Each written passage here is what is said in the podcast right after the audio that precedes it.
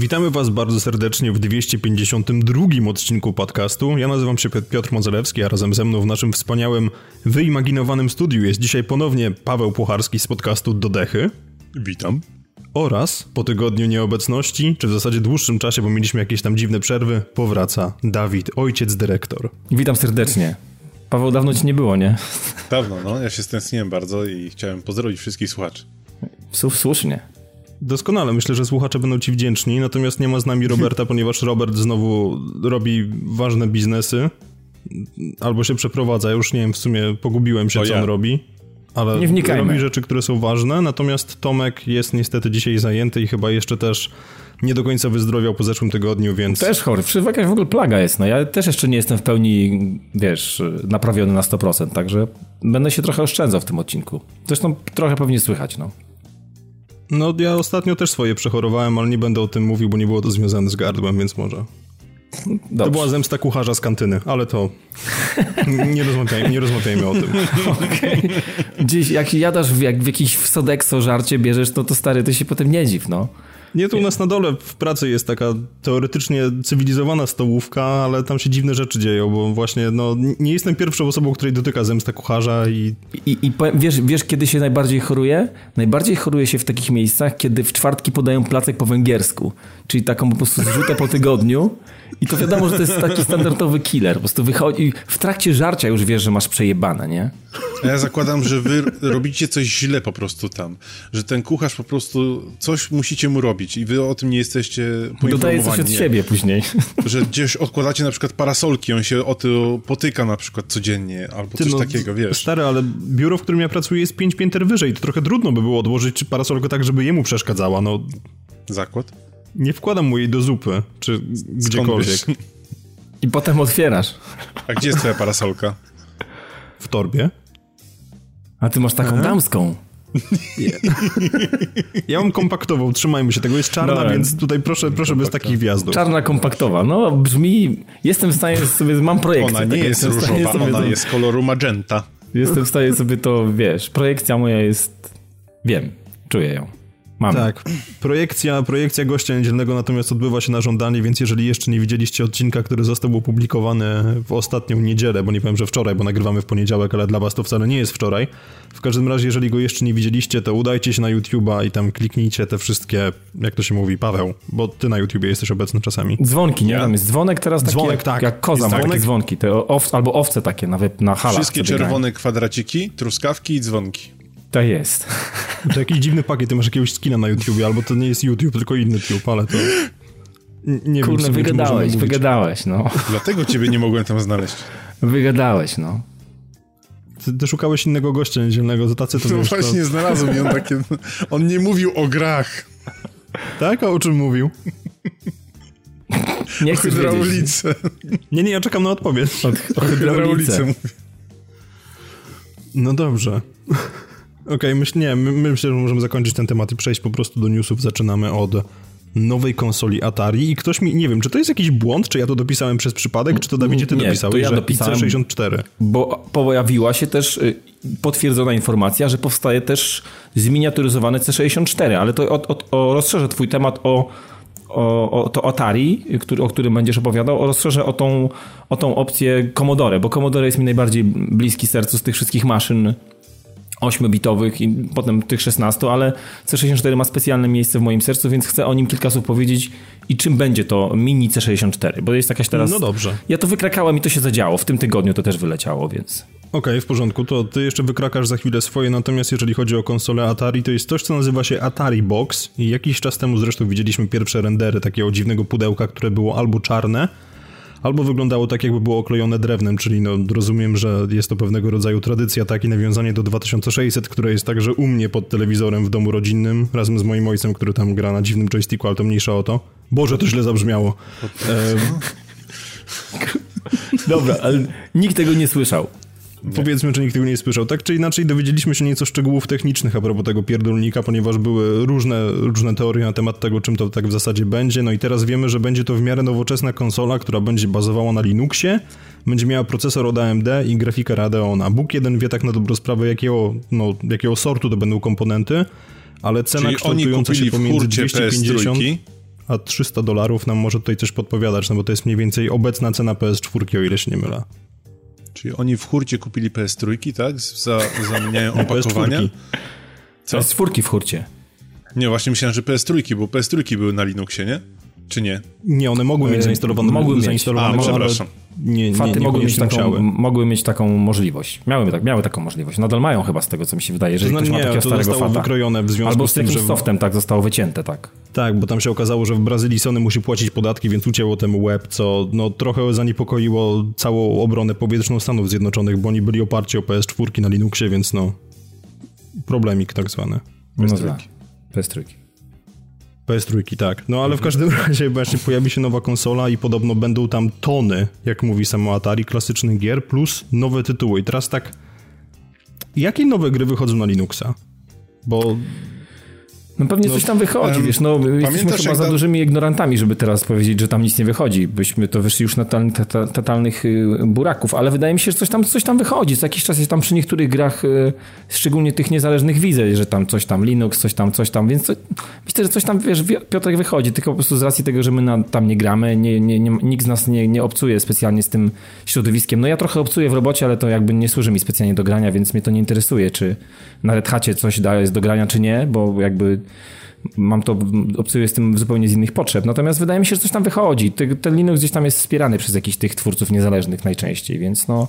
Ale zakładam, że to nie będą jakieś takie wypasy totalne, wiesz, jakieś takie e, blockbustery. No to na pewno nie są jakieś mega, mega wypasione gry, no. Tak mi się wydaje, że to nic, nic, nic ciekawego tam specjalnie nie będzie się pojawiać, no, jeżeli chodzi o tego no, Linuxa. Po- tak mi się wydaje, jest bo nawet z, z pracy, z doświadczenia wiem, że ostatnio twórcy niezależni mają trochę dość tych gier niezależnych i, i właśnie tego, co, co się dzieje na Linuxie, ponieważ to zawsze są po prostu jakieś 3,5 miliarda różnych dystrybucji i tak dalej, i tak dalej, w związku z czym no potem dochodzi do sytuacji, że się okazuje, że ktoś nie ma Ubuntu, tylko ma Kubuntu i nagle gra nie działa i są wielkie pretensje, dlaczego, bo przecież to jest praktycznie to samo, a w oczach twórców jednak nie jest, więc no... To jest mało przyjemna sytuacja, więc e, Dawid, ty, ty lubisz jak piksele są duże, więc powiedz mi, czy będziesz zainteresowany? Wiesz co, no Atari, Atari ch- chyba nie, bo ja z Atari specjalnie też nie mam jakichś y, fantastycznych wspomnień, jeżeli chodzi o gry. Oczywiście y, są tam jakieś tytuły, które się kojarzy, oczywiście każdy zna Pitfalla, każdy gra, grał w Riverite i tak dalej, więc jakby czy Wizard of War, które też kojarzysz oczywiście, prawda, więc no No nie mam innego wyjścia, skoro dostaję w nie wpierdol co święta. Otóż to, więc no jakby są tytuły, które oczywiście z Atari są w jakiś sposób związane, natomiast ja się specjalnie na nich nie wychowywałem, chodziłem zawsze do tych yy, yy, gorszych kolegów, którzy mieli atarynki i pokazywali mi te swoje, swoje, swoje, swoje gry.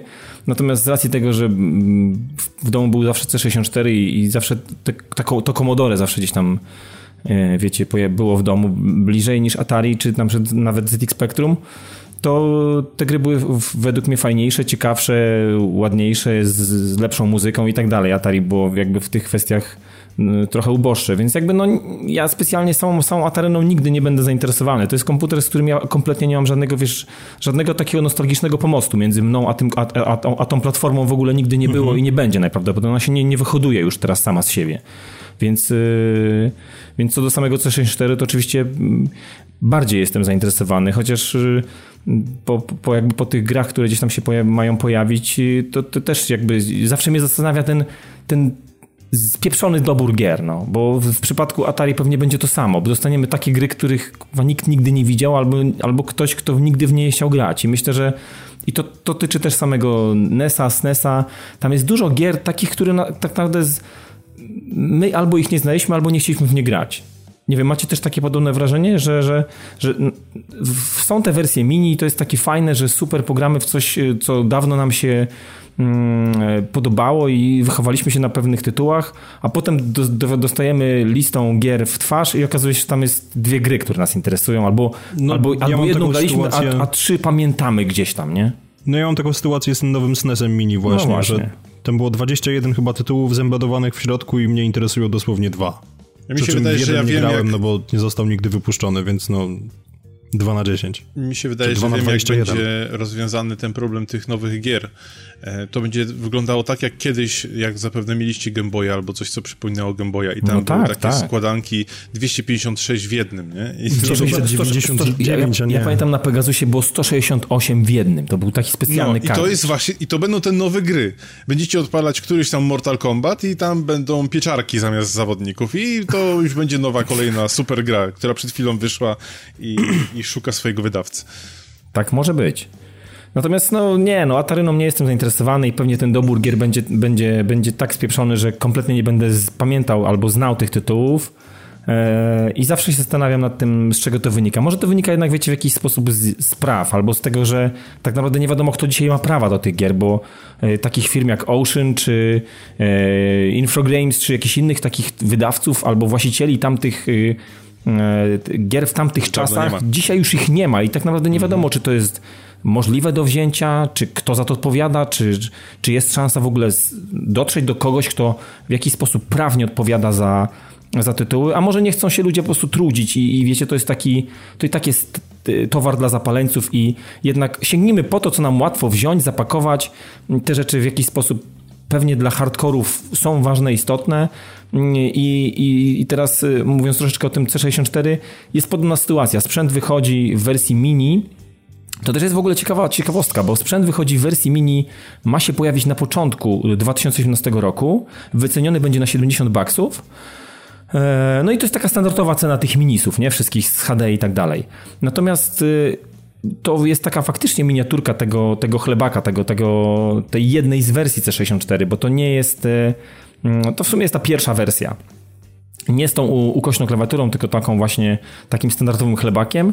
I to się pojawi na początku 2018 roku i tam też jest jakaś taka lista gier, e, które wiecie, no okej, no mamy tam Paranoida, mamy tam e, Speedball 2, e, Brutal Deluxe, więc bardzo fajną grę, ale też jest masa takich gier, które mi, człowiekowi, który zęby zjadł na C64, e, niektóre w ogóle mi nic nie mówią. E, Jest tam jakaś paczka e, California Games, czyli takiego zestawu, e, zestawu od nich, E, natomiast e, specjalnie, specjalnie ta lista też nie jest jakaś e, rozbudowana i, i zakładam, że to właśnie z tego wynika, że e, dostaniemy pięć tytułów, a reszta to jak patrzyłem po okładkach, to sorry, ale, sorry, ale nie, bo, bo, bo, bo jakby wiecie, no, nic, mi, nic mi to kompletnie, e, kompletnie nie mówi. No i, i myślę, że mm, to tak będzie za każdym razem. Jakikolwiek sprzęt, może będzie za chwilę Amiga będzie wznowiona w jakiś sposób, może pojawi się jakiś inny.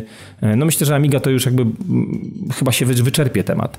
Natomiast co jest ciekawe odnotowania, że w późniejszym okresie e, 2018 roku C64 będzie wznowiony w wersji 1 do 1, czyli będzie, to już nie będzie mini, tylko będzie to 1 do 1 z portem e, HDMI i tak dalej.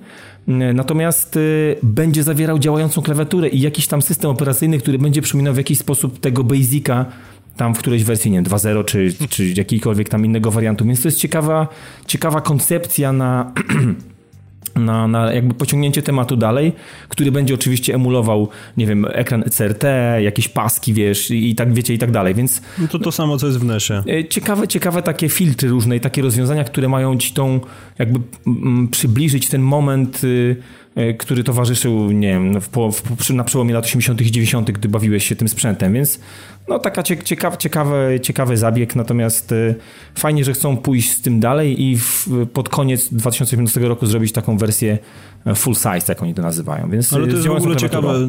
To jest w ogóle ciekawe to, o czym mówisz, ponieważ trzeba powiedzieć, że miniak dalej wygląda tak, jakby miał to klawiaturę, tylko ja właśnie spojrzałem na zdjęcie i zobaczyłem, że porty USB z boku są prawie dwa razy większe niż klawisze. Otóż to, otóż to. I się zastanawiałem, czy trzeba będzie, nie wiem, pisać jakoś tak, wiesz, nie wiem, wziąć wykałaczki czy coś. A Ja dziś czytałem w czytam- jakimś, w jakimś źródle, że będzie można do któregoś z tych portów podłączyć klawiaturę zwykłą na USB i Tak, też będzie właśnie- można właśnie to spokojnie funkcjonować z tego. Więc to, to, to jestem ciekawy, no bo wiecie, co innego robić mini, minisowe konsole, a co innego zrobić miniaturowy komputer, który y, był trochę więcej niż maszyną do grania, bo można było z niego korzystać z niego na, na różne sposoby, więc no ciekawe, ciekawe, ciekawa próba jestem ciekawy, czy to się w jakiś sposób, e, wiecie, przełoży dalej. Ciekawe, czy pójdą za ciosem inni, czy właśnie będą jakieś, nie wiem, Amstrady się pojawiać, czy jakieś właśnie Amigi, czy jakieś inne Dreamcast. maszyny, które gdzieś tam, wiecie, funk funkcjonowały w tamtym okresie czasu. No ale no ciekawe, ciekawe. Ale wykrakałem tego w sumie co 64, bo kiedyś o tym gadaliśmy i mówię, kurczę, na 100% któryś, któraś z tych maszyn, maszyn musi się pojawić. No i,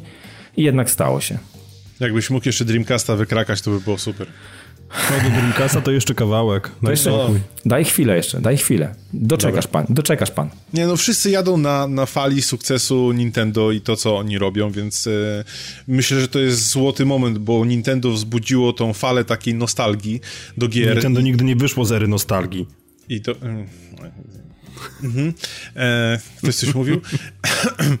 I, I po prostu inni producenci próbują też na tym jechać, bo, bo nagle jak gracze sobie przypomnieli, że kiedyś były NESy i te SNESy i tak dalej i te wszystkie konsole i, i nagle gdzieś im się zaświeciło światełko, że gdzieś były właśnie i Atari i Commodore, to może to jest właśnie ten jeden, jedyny moment, żeby ich skupić, skusić na, na, na zakup takiego sprzętu. Czy wiesz, no graczom się zapaliło światełko, a producentom sprzętu zapaliło się, zapalił się symbol dolara po prostu. No, no, no a co tyle. innego? No, dokładnie tak, dokładnie tak. Przecież niechęć niesienia pomocy i radości. Nie? W rzeczy samej. No, no chyba nie. No dobrze. To chyba tyle na temat tych dziwnych, starych konsol, którymi niektórzy z nas mogą być zainteresowani. Natomiast teraz możemy przejść do czegoś, co będzie zupełnie nowe, albo będzie kontynuacją czegoś nie aż tak bardzo starego, czyli do Red Dead Redemption 2. Panowie, czy widzieliście zwiastun? Jest. No, ciężko było nie widzieć, no. No, był wszędzie, tak. Ja na pewnym etapie mi się w ogóle odpalił na autoplayu, jak wy wyciągałem rzeczy z lodówki, więc można powiedzieć, że był w lodówce. No, o, to, to też na Ja na patelni go oglądałem. A, no to ciekawie. Jak wyglądał na okrągłym wyświetlaczu? Chyba, że tak. masz taką kwadratową. Czerwono bardzo. Czerwo czerwono, tak. Wiesz, no, to wersja, wersja robiona w ZSRR, rozumiem. To w taką nie graliśmy. Krwawa nie. po prostu. To była wersja, wiesz, rar, była. Rarowa. No ja wiem, ty nie wiesz, jak się gotuje, nie? Bo patelnia jak się... Piotr nie wie, jak się gotuje. Słuchaj... Nie, ostatnio, ostatnio dał, dał yy, świadectwo tego, że potrafi. Hamburgery robił jakieś i nawet chwalił się tym wszędzie praktycznie. Zdjęcia wrzucał. Tak, no. tak, tak, stwierdziłem, że jeżeli już poszedłem do kuchni i będę jeszcze grubszy niż zwykle, to, to mogę się tym pochwalić. Zazdroszczcie mi chociaż tyle. Był na zlocie food trucków, kupił dwa i porobił ładne zdjęcia. Przyniósł do chaty, nie? Zamknij do chaty. Cicho, to nie musi o tym wiedzieć. Tak, tak. No w każdym razie no, Red Dead Redemption 2 Wiecie co, ja z RDR, z RDR miałem taki problem, y, bo ja kupiłem jedynkę na premierze, ona leżała potem rok. O, na półce, nie grałem w ogóle, nie, bo jakoś nie. I po roku jak odpaliłem mm, i to też było chyba drugie czy trzecie podejście po roku, czy półtora właśnie roku i dopiero tak naprawdę zrozumiałem, poczułem chęć i zrozumiałem e, klimat i poczułem ten klimat y, mm, na tyle mocno, że udało mi się z wypiekami na twarzy ten tytuł ukończyć, więc nie, nie wiem jak będzie z RDR-em 2. Y, Natomiast to, co widziałem jest y, jest fajne. Ja rozumiem Dziki Zachód i on mi się zawsze podobał. Szkoda, że on w grach y, wideo nie jest specjalnie tak, mm, tak mocno eksploatowany i, w jakiś sposób no nie istnieje specjalnie szeroko, ale no nie wiem, no ja póki co wiecie co, jakiś specjalnie się nie napalam czekam, będę się przyglądał, ale nie napalam się specjalnie i, i, i zobaczymy, co z tego wyjdzie. Ale, ale wyjdzie. Natomiast póki co to, co zobaczyłem, jest, jest, no, jest, jest mega spoko, jak to mówi Press. No. Dobrze, więc Pawle, co ty powiesz? Czy w ogóle grałeś w jedynkę, czy nie? Chociaż sądząc po reakcji na, na to, co powiedział Dawid, że u niego leżała przez rok, to podejrzewam, że wsiąknąłeś i no, nie wypełzłeś zbyt szybko. To bardzo fajne wyścigi są. Co? No konno, konno. Nie, żartuję. Grałem, grałem i powiem szczerze, że ja się bardzo cieszę, że, że te klimaty westernowe nie są jakoś tak za bardzo wyuzdane, bo jak, jak pojawia się nowa gra z gatunku powiedzmy GTA, to ona już mnie tak bardzo nie cieszy, bo, bo mam lekki przesyt tych gier, tak jak w pewnym momencie miałem przesyt zombie i tych wszystkich innych e, klimatów, natomiast westernów jest faktycznie mało, e, albo inaczej, jest mało dobrze zrobionych, więc e, ja staram się, to będzie prawdopodobnie, to, to był pierwszy i ostatni trailer i zapowiedź, jaką obejrzę. E, więc nie chcę nic więcej o tej grze wiedzieć, chcę e, po prostu chłonąć ją, ją od A do Z w momencie, gdy ją kupię, a wiem, że ją kupię na, na premierze, chyba, że wyjdzie na Switcha. musiałem, musiałem. Nie, no tak, oczywiście. Tam Razem się... z wersją na poprzednią generację, no. No, no, no, tam się hamburgery się zagotowały od razu. E, i, I strasznie czekam i wiem, że, że w tym klimacie Rockstar mnie nie zawiedzie, bo, bo poprzednia część była świetna. Ten bohaterowie, moim zdaniem, ca, cała ta, ta linia fabularna, to żadna, żadna z części GTA nie ma, nie ma do tego startu. Mój Boże. To ja wiele straciłem w takim razie, bo ja tej gry nigdy nie skończyłem. Nie, nie, nie, w ogóle jak, powiem, jak, go, powiem, jak go mogę wyłączyć? Ja ci powiem ci, nie wiem, Paweł może to potwierdzi, ale wydaje mi się, że... O, usuń znajomego. nie, nie, aż tak to może nie, ale, ale wydaje mi się, że sama końcowa, bo ta gra, ona się tam, ona ma lepsze momenty, szybsze, wolniejsze, ciekawsze, takie przegadane, trochę takie, niektóre są takie, których się nie pamięta później. No każda gra, ale... Ale końcówka, ale... ostatnie kilka, kilka, nie wiem, godzina, dwie, trzy godziny gry, gra, ostatnie, kiedy trafia się w te zaśnieżone góry tam, to jest ogień, chłopie. Od tamtego momentu yy, nie chce cię jeść, pić, nie chce cię do talety iść, stary, po prostu kończysz na jednym, na jednym, na jednym podejściu w ogóle ten, ten, tą końcówę robisz, no. Ta końcowa jest niesamowita, no. Jak masz możliwość pol, pol, pol, pol, polowania na Mustangi w ogóle, no ta końcowa tam to jest koniec. No po prostu to jest, V8. to jest, to jest, to jest szczyt, totalny szczyt, no. Dla mnie. Osobiście. Jeżeli miałbym porównać inne dwie serie, które mnie tak wciągnęły klimatem, nie mówię tutaj o mechanikach i tak dalej, o, o, o samym gameplayu, tylko powiem o, o klimacie, o bohaterach i tak dalej, to jedyne dwie serie to jest y, Mass Effect Wiedziałem, jak... że to powiesz. Po prostu nie wiem dlaczego, ale wiedziałem, że to powiesz. No, no. no, no przecież to oczywiste, że, że to powiem. I jakaś druga gra, o której właśnie kompletnie zapomniałem, więc chyba mnie aż tak bardzo nie wciągnęła. No, no, czy, no dobrze. Ale jakaś tam była. Jakaś tam była, tak. Pewnie zaraz, jak wyłączę nagrywanie, to się klepnę w czoło i ja pamiętam, ja pamiętam, że kupiłem RDR-a pierwszego jako jakąś używkę po prostu na Xboxa 360 i żeby było zabawnie, ja tą kopię dalej mam. Ona jest wprawdzie 230 km ode mnie, bo przy przeprowadzce była to jedna z tych gier, których nie zabrałem. Wsiadaj w pociąg i jedź. Ile tam było płyt? 6, 5, 3, 2? Na Xboxa? Dwie? Jedna? Okej, okay, bo wiem, że były jakieś gry, które miały 6 płyt, 5. Nie no, ja wiem, że były um. gry, które miały 3 na pewno, bo to Blue Dragon był, ale jakoś więcej to nie pamiętam. Okay. LA Noir miał Dużo płyt. Ale War też miał trzy. Jak otwierałem, to się wysypywały. I to tak no nie wiem, to znaczy ja grałem na PS trójce, więc miałem lepszy nośnik, więc jakby trudno jest mi powiedzieć. No, no ale generalnie rzecz biorąc, tak jak gadam o tym całym hypie, czy, czy słyszę o tym całym hypie, który jest wokół tej marki, to myślę, że w końcu wypadałoby po nią sięgnąć. Mhm. I wiem, że Robert prawdopodobnie, jeżeli będzie tego słuchał, to w tym momencie dostanę od niego bardzo taką naładowaną złością wiadomość, że tego nie przeszedłem bo z tego co się orientuję, to nie jest wielkim fanem. Natomiast no sam zwiastun, tak, bo trzeba o nim powiedzieć, to taki teaser, tak? Taki typowy teaser w wykonaniu Rockstara, bo na zasadzie on nie pokazuje nam zbyt wiele, ale wzbudza naszą ciekawość i tak jak patrzyłem na reakcje w internecie, to już po prostu na NeoGafie to nie wiem ile jest wątków na temat teorii spiskowych i, i, i jakby snucia domysłów na temat tego, co tam będzie, ale tego jest od cholery.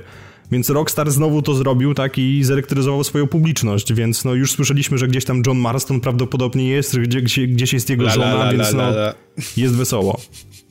Nie no, to, to może być dobre, no, to może być dobre, ale to tak jak powiedziałeś, to jest pokazanie, pokazanie RDR-a dwójki, to jest taki klasyk, który Rockstar za każdym razem robi, pokazując swoje rzeczy. Tak samo pokazywało, pokazywało GTA 5, 4, tak samo pokazywało RDR-a pierwszą część. Tutaj specjalnie się nic nie zmienia w ich podejściu, w ich, w ich jakby koncepcji e, dzielenia się swoją produkcją z graczami. No to jest jakby taki standard ich. No to do czego się ludzie przy, chyba przyzwyczailiśmy wszyscy, no. Wiedźmin, przypomniało mi się, już, przepraszam. A, Wiedźmin, no tak. Ja nadal, nie, ja nadal, nie, skoń, ja nadal nie skończyłem, ale, ale wtopiłem tam 30 godzin, więc i tak jest nieźle. Ja trójki nawet nie mam, więc no... Ja doszedłem do Czerwonego Barona i po Czerwonym Baronie po prostu znaczy, czerwony misja, cała ta sekwencja misji z, związana z Czerwonym Baronem to było dla mnie coś niesamowitego. I potem jakby czar prysnął. Nie wiem dlaczego. Ale nie, nie, nie wnikajmy w to. Ja może nie, kiedyś nie miałeś grze... prądu w mieszkaniu. nie, chyba nie, ale gdzieś, ten, ten, gdzieś to uleciało wszystko. Nie wiem dlaczego. Sam się zastanawiam, nawet do dzisiaj zachodzę w głowę, dlaczego tak zostało, zostało, zostało przeze mnie potraktowany Wiedźmin 3. Ja, no, ja grałem Quantusu Roberta, także nie jesteś taki znowu najgorszy. What? To może lećmy dalej, żeby, żeby jakoś, wiesz, nie wywołać jakiegoś... Paweł i tak już mnie usunął ze znajomych, potem na Facebooku zobaczy, że też mnie usunął, potem mnie doda i usunie mnie jeszcze raz, bo jeden raz nie wystarczy. Ja, więc ja, no. ja, ja, wie- ja już wiem, co się dzieje z Pawłem. On, on już ma jest spocony pod kolanami, jak słyszy takie rzeczy po prostu. No. No. Tam waciki sobie napchałem. Dokładnie, dokładnie. E, nie idźmy tą To stronę. szybko byłeś w toalecie, mam nadzieję, że nie z nami jednak, bo to... Ja mam Eee. dość takich przygód po chodzeniu na rajdy w Destiny, jak ludzie chodzili razem z, sześcią, z całym Fireteamem do toalety, to się źle Nie są kończyło. rajdy, to są wyścigi. No tak, tak. O Zdecydowanie. Boże, to nie była zbyt subtelna szpila. To była bardzo niesubtelna, ale okej, skończmy temat, bo naprawdę zaraz potem na Twitterze znowu jakieś krzyki będą. E, tak czy inaczej, Elite Dangerous. Ja nie wiem w końcu, czy ty, czy, czy wy do, wróciliście w ogóle do tej gry, czy nie? Ja, Ja wracam. Piotrek. Powiem ci, ja wracam i tak szybko jak wracam, tak szybko przestaję w to grać. I po prostu ja, ja, ja kupiłem tę grę. Naprawdę kupiłem najbogatszą wersję. Zrobiłem to z dwóch powodów. Pierwszy powód był taki, że ja chcę, żeby takie gry wychodziły, więc te pieniądze były takie trochę rzucone, jakby, y, wiesz, takie, nie wiem, jest jakieś przysłowie, coś przez wieprze się rzuca, nie? Coś takiego. No więc no, po prostu chciałem, chciałem, chciałem dać twórcom do zrozumienia, że to jest dobre, że to oni to zrobili, to jest świetne. Mimo, że ja nie mam na to specjalnie czasu i, i, i musiałbym mieć y, jeszcze dodatkowe dwa życia, żeby móc grać w, w pozostałe rzeczy, które mnie interesują i, i to jedno życie, które bym poświęcił całkowicie Elite Dangerous, to, to, to, to, to zrobiłem z jednego, to był jeden powód, a drugi po to, żeby co jakiś czas odpalić, zobaczyć y, jak fajnie mógłbym się bawić, popłakać trochę i wyłączyć, nie? I to, Okej. to jest jakby drugi powód, dla którego robiłem. I regularnie po każdym patchu odpalam, patrzę co jest, czytam changeloga jak taki, jak taki świr, patrzę jakie są nowości, teraz się dowiedziałem, że są obcy, że w końcu jest, że, że są cuda, po prostu cuda na kiju są w tej grze w tej chwili. I ja nadal nie mogę w to grać po prostu, no. To jest takie, wiesz, takie, takie jest trochę samobiczowanie, no. Tak to mogę określić chyba. Natomiast Pawle, to, jak ta gra się rozwija, to ja po prostu jestem pod mega wrażeniem, no. To jest Ja fantastyczne, co się dzieje w chciał. tym świecie tej gry. No, strasznie bym chciał wrócić do tej gry, tylko że ja do tej gry potrzebuję być y, y, absolutnie zrelaksowany, bo ja chcę się skupić na chłonięciu tego, tego świata, bo dla mnie cały czas ta gra jest balsamem po Andromedzie. Jest, y, jest, no, jest spełnieniem takich... Mo- Aż mu kapcie spadły. Akurat telefon, ale blisko. I, I jak ja właśnie widzę to, to, co powiedział Dawid, jak, jak ta gra się rozwija, ile oni tam zmieniają, że teraz cała ta akcja z obcymi, która mnie. I, i mnie to boli, że mnie to omija. Natomiast ja wiem, że, że yy, gdybym teraz usiadł i bym wiedział, że mam. Nie wiem, 15-20 minut, żeby pograć, to by mnie to tylko zirytowało. Ja naprawdę Dokładnie, bym chciał mieć tak. Więcej takiego czasu. odczucie. Więcej takich, że tak powiem, y, danego dnia, żebym mógł usiąść i faktycznie te dwie godziny pograć, y, włączyć sobie w podcast jakiś w tło, bo to uwielbiam i, i tylko słuchać, jak ten frameshift driving się ładuje i, i... Być kosmicznym kierowcą ciężarówki. Dokładnie tak. To jest y, dla mnie Elite Dangerous jest Eurotrackiem w kosmosie. I ja za to uwielbiam tę grę, bo Eurotracka też uwielbiam. No dobrze, no ja w przeciwieństwie do was gram aktywnie, nawet jakiś przed no, rozpoczęciem ty. nagrania nawet miałem tę grę odpaloną. E, I generalnie rzecz biorąc, ja niestety jeszcze obcych nie widziałem. Wiem, że na naszej grupie na Facebooku sporo osób już pisało na temat swoich spotkań, nawet niektórzy wrzucali filmiki, które... No, ja nie chciałem ich odpalać ze względu na to, że nie chcę jakby sobie spoilerować tego, Mhm, tych wszystkich doznań, które temu towarzyszą. Ale z tego co wiem, to jesteś tak daleko w kosmosie, że tam nawet obcych nie było. No, jakieś 6000 lat świetlnych mi zostało. Ale Okej. Piotrek, jedno pytanie mam od razu na początek. To są te skurwysyny, którzy, którzy już wcześniej się pojawili gdzieś tam? To, są, to jest ta sama banda, czy to jest coś To nowego? jest, nie, to jest ta sama banda skurwysynów, która jest tej, w tej grze od 84 albo 6 roku, w zależności od tego, od tego kiedy wyszła pierwsza część. Okej, okej, okej. Także to jest, wiesz, to jest dłuższy romans jakby, natomiast tak, sytuacja jest taka, że do, te, do tej pory było tak, że oni nam wyłączali statki, skanowali nas, haha, heheszki, tak. Okej. Aż w końcu teraz okazuje się, że sobie lecisz i nagle ci się pojawia taki, taki radosny znacznik, że źródło, źródło sygnału e, non-human, tak? I ty sobie wychodzisz z nadprzestrzeni i się okazuje, że oni tam na ciebie czyhają i robią ci z dupy jesień średniowiecza. Ale to są jakieś takie przegięte skurczybyki i, i to jest tak, że konfrontacja z nimi kończy się zawsze zgonem?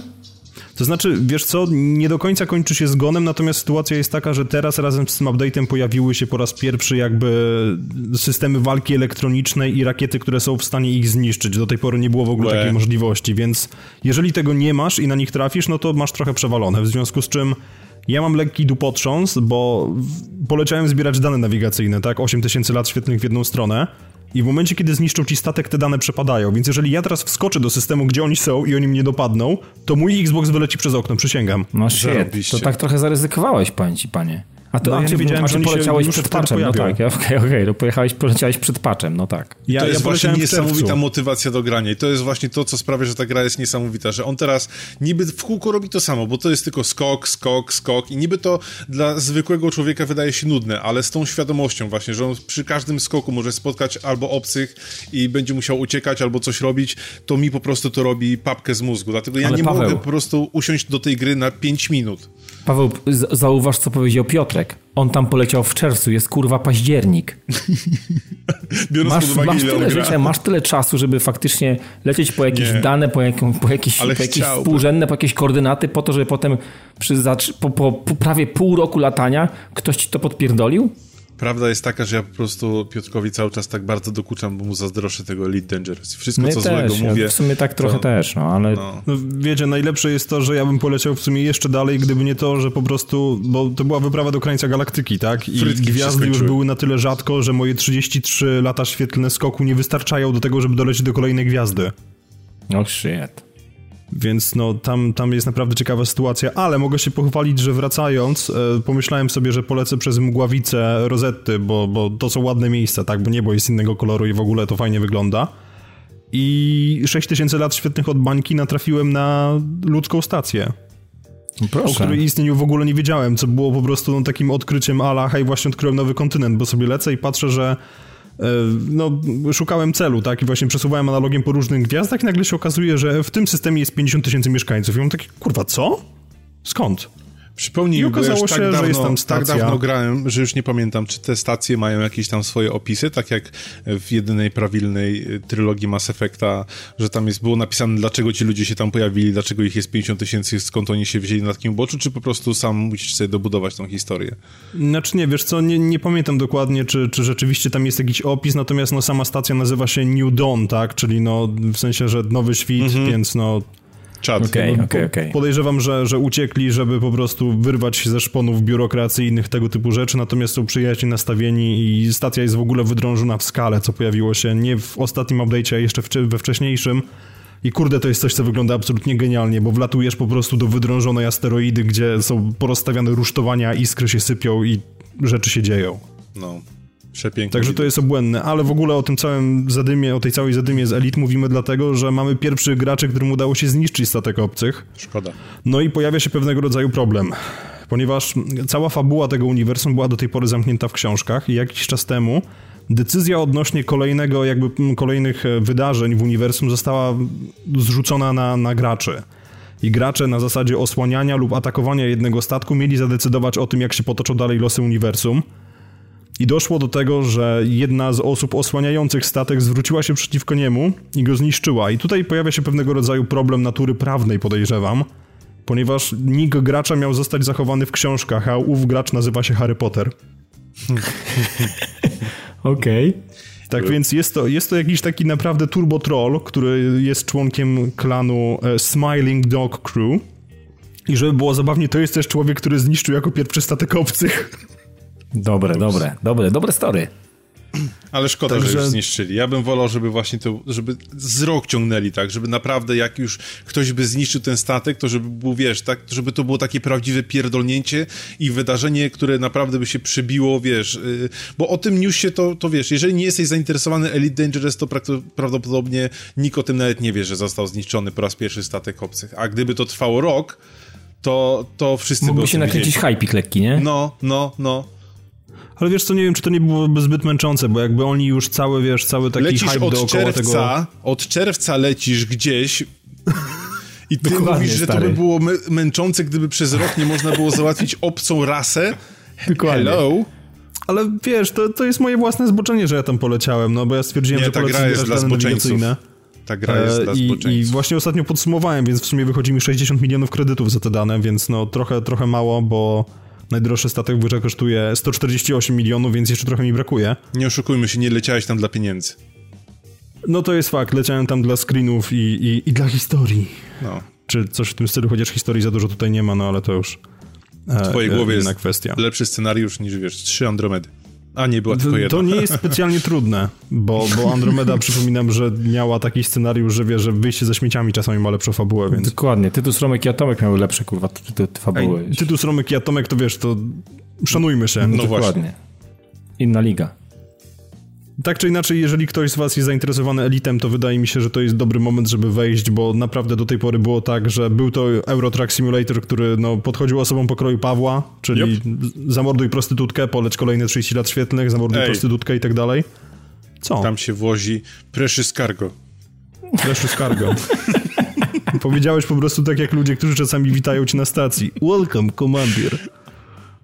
Jest Rewelacyjnie. W każdym razie coś, coś zaczyna się dziać w tym uniwersum i jeżeli jesteście zainteresowani właśnie tego typu grą, gdzie macie 100 graczy na instancję i możecie paść ofiarą jakiejś łachudry albo zbierać dane nawigacyjne przez pół roku tylko po to, żeby kosmici wyłączyli ci statek i następnie zredukowali twoje wysiłki do niczego, to jest właśnie gra dla was. Yep. Tak. Polecamy to. Pytanie zdecydowanie polecamy. Polecamy także Star Wars Battlefront 2, który już niedługo, bo 17 listopada, będzie na półkach sklepowych, ale wcześniej, 6 października, wystartuje beta. Czyli Sun Sun. Sun Sun, Very Sun Sun o godzinie 18 i potrwa do 9 października, także do 18.00. Więc no. Jest to otwarta beta, która będzie dostępna na PC, na PS4 i na Xboxie One i zgaduję, Dawidzie, że będziesz grał. Będę grał, bo multiplayer w poprzedniej odsłonie mi się absolutnie bardzo mocno podobał i bardzo żałuję i powtarzam to regularnie jak mantrę, że bardzo żałuję, że ta gra bardzo szybko umarła w tej sferze, że tak powiem multiplayerowej, bo tylko taką miała do zaoferowania w, czy poprzednia odsłona. Natomiast e, z racji tego, że wiadomo, Frostbite, DICE i, i tak dalej, więc to się fajnie strzela, to się dobrze strzela, to jest fajne, przyjemne i, i naprawdę robi robotę, więc y, tym niemniej będę chciał spróbować y, e, tej bety drugiej odsłony. Rozumiem, że y, więcej informacji na temat bety, tam po prostu będzie tylko multi, że rozumiem, że kampanii nie, nie, będziemy, nie będziemy mogli tam spróbować tego, tego, tego całego dobra, tego lukru, którego zabrakło w pierwszej odsłonie, czy, czy źle mówię? Wiesz co, wydaje mi się, że to będzie tylko i wyłącznie online. Okej, no to nawet jeżeli to będzie online, to będę chciał zobaczyć, co zostało usprawnione, bo tak naprawdę w tej, wiecie co, w tej sferze online'owej to yy, to tutaj jakby dużo nie trzeba było zrobić. Można było po prostu rozszerzyć ilość map, yy, można dodać jakieś nowe tryby i tak dalej, bo, bo sam multiplayer był fajny, był fajny, grywalny, zresztą chyba każdy z nas grał, więc yy, pewnie każdy to potwierdzi, że to było naprawdę dobre. Yy, może faktycznie zabrakło jakiejś tam świeżości i ludzie zaczęli się po prostu tą grą nudzić troszeczkę i, i, i sam, sama roadmapa wydawania dodatków i tak dalej po prostu została niepotrzebnie rozwleczona w czasie i to w jakiś sposób też przyczyniło się do tego, że społeczność wokół gry yy, umarła, wysyciła się, po prostu przestała się nią interesować i, i, i dzisiaj pewnie już mało kto tam zachodzi w te części internetu i, gry multiplayerowe. Na- Natomiast wierzę w to, że zarówno Electronic Arts, chociaż tutaj to pewnie to może być różnie, a, a, ale i sam DICE wyciągnęli z tego s- y, wnioski i, jakieś pomysły na, na to, żeby ta gra w jakiś sposób utrzymać ją w miarę świeżą cały czas i ciekawą przede wszystkim dla nas, dla, dla, dla graczy, więc no no wierzę w to, że wyciągnęli te wnioski, bo inaczej jakby, jakby mieli zrobić to samo, co poprze- poprzednim razem, no to trochę by się to mijało z celem, więc ja trzymam kciuki cały czas. Mimo, że stanem, To znaczy- samym fanem Star, Star Warsów jakby nigdy nie jestem, natomiast samego Ej. fajnego strzelania z laserków to po prostu biorę jak zły. Będę chciał grać oczywiście. Wiesz, no nie zrobili tego samego, no bo dorzucili kampanię singlową, która wydaje się przynajmniej na papierze być bardzo ok, ale właśnie wspomniałeś o zawartości bety, ja zrobiłem sprytnego scroll downa, już wiem co w niej będzie. To opowiadaj nam teraz. Generalnie rzecz biorąc będą cztery tryby rozgrywki wieloosobowej, także no nie w kij dmuchał i to by wyjaśniało dlaczego beta przynajmniej na PC będzie ważyła 15 giga. Te rozmiary zaczynają się naprawdę robić kretyńskie. I uwielbiam polskie nazwy trybów, dlatego też przeczytam je właśnie w ten sposób. Więc będziecie mogli zagrać w trybie Galaktyczny Szturm, który jest głównym trybem w Battlefront 2. No czyli Co- co klasyczny rush. Klasyczny rush pewnie w jakiś sposób. 40, 40 graczy, 20 na 20, więc no będzie, będzie wesoło. Dobrze nie zwali go wysypką. Bostonką. To już co kto lubi. Będzie także natarcie myśliwców. O, to już bliżej. bitwy kosmiczne, co, co, co mi się bardzo podoba, bo to ten komponent po prostu na zwiastunach się prezentuje tak obłędnie, że To ja jest tam, już gdzie jest chcę. Soku Millennium, lata i tak dalej? To będzie Tak, to? jest Soku Millennium i są X-Wingi, TIE Fightery i Y-Wingi i wszystko i uh, to będzie dobre. Będzie Okej. po prostu dobre. I jeszcze coś, Do tego jeszcze tak, że dla będzie- piechoty. E, Będzie tryb starcie. Dokładnie dla samej piechoty. Okej. I będzie także tryb arcade. Dzi- Dziwne, że nie został nazwany arkada albo zręcznościowy, gdzie będziemy walczyli z botami, żeby sobie tam A, poprawić swoje umiejętności. Taki i bot match, po no, ośmiu... klasyczny. Tak, po 8 godzinach sobie wyjdziesz stamtąd i pomyślisz, że tak, jestem kozakiem. Jestem zbierzesz heada, tak. tak, zbierzesz heada w ciągu pierwszych trzech sekund od człowieka, którego, o którego istnieniu w ogóle nie wiesz i on zniknie, zanim w ogóle kilkam się zdąży aktywować, ale Jeszcze ci zrobi Spoko. T-baga na wyjście i w ogóle wiesz. To wszystko się może wydarzyć w tej grze, no. No, zdalne T-bugi to by było ostatnio w ogóle w pracy mieliśmy dyskusję na temat tego, że powinna być w Destiny klasa, która będzie miała supera takiego, że w momencie kiedy się go aktywuje, to będą wszystkie trzy postaci z drużyny przeciwnej na multiplayerze, po prostu instant T-bug będzie i to będzie jego, jego supercharge. To by było naprawdę grube. Tak czy inaczej, no, zawartość bety wygląda całkiem ok. Jeżeli ktoś z Was ma preorder na Battlefronta 2, to będzie mógł zagrać dwa dni wcześniej, bo już od 4 października i to od godziny 10.00.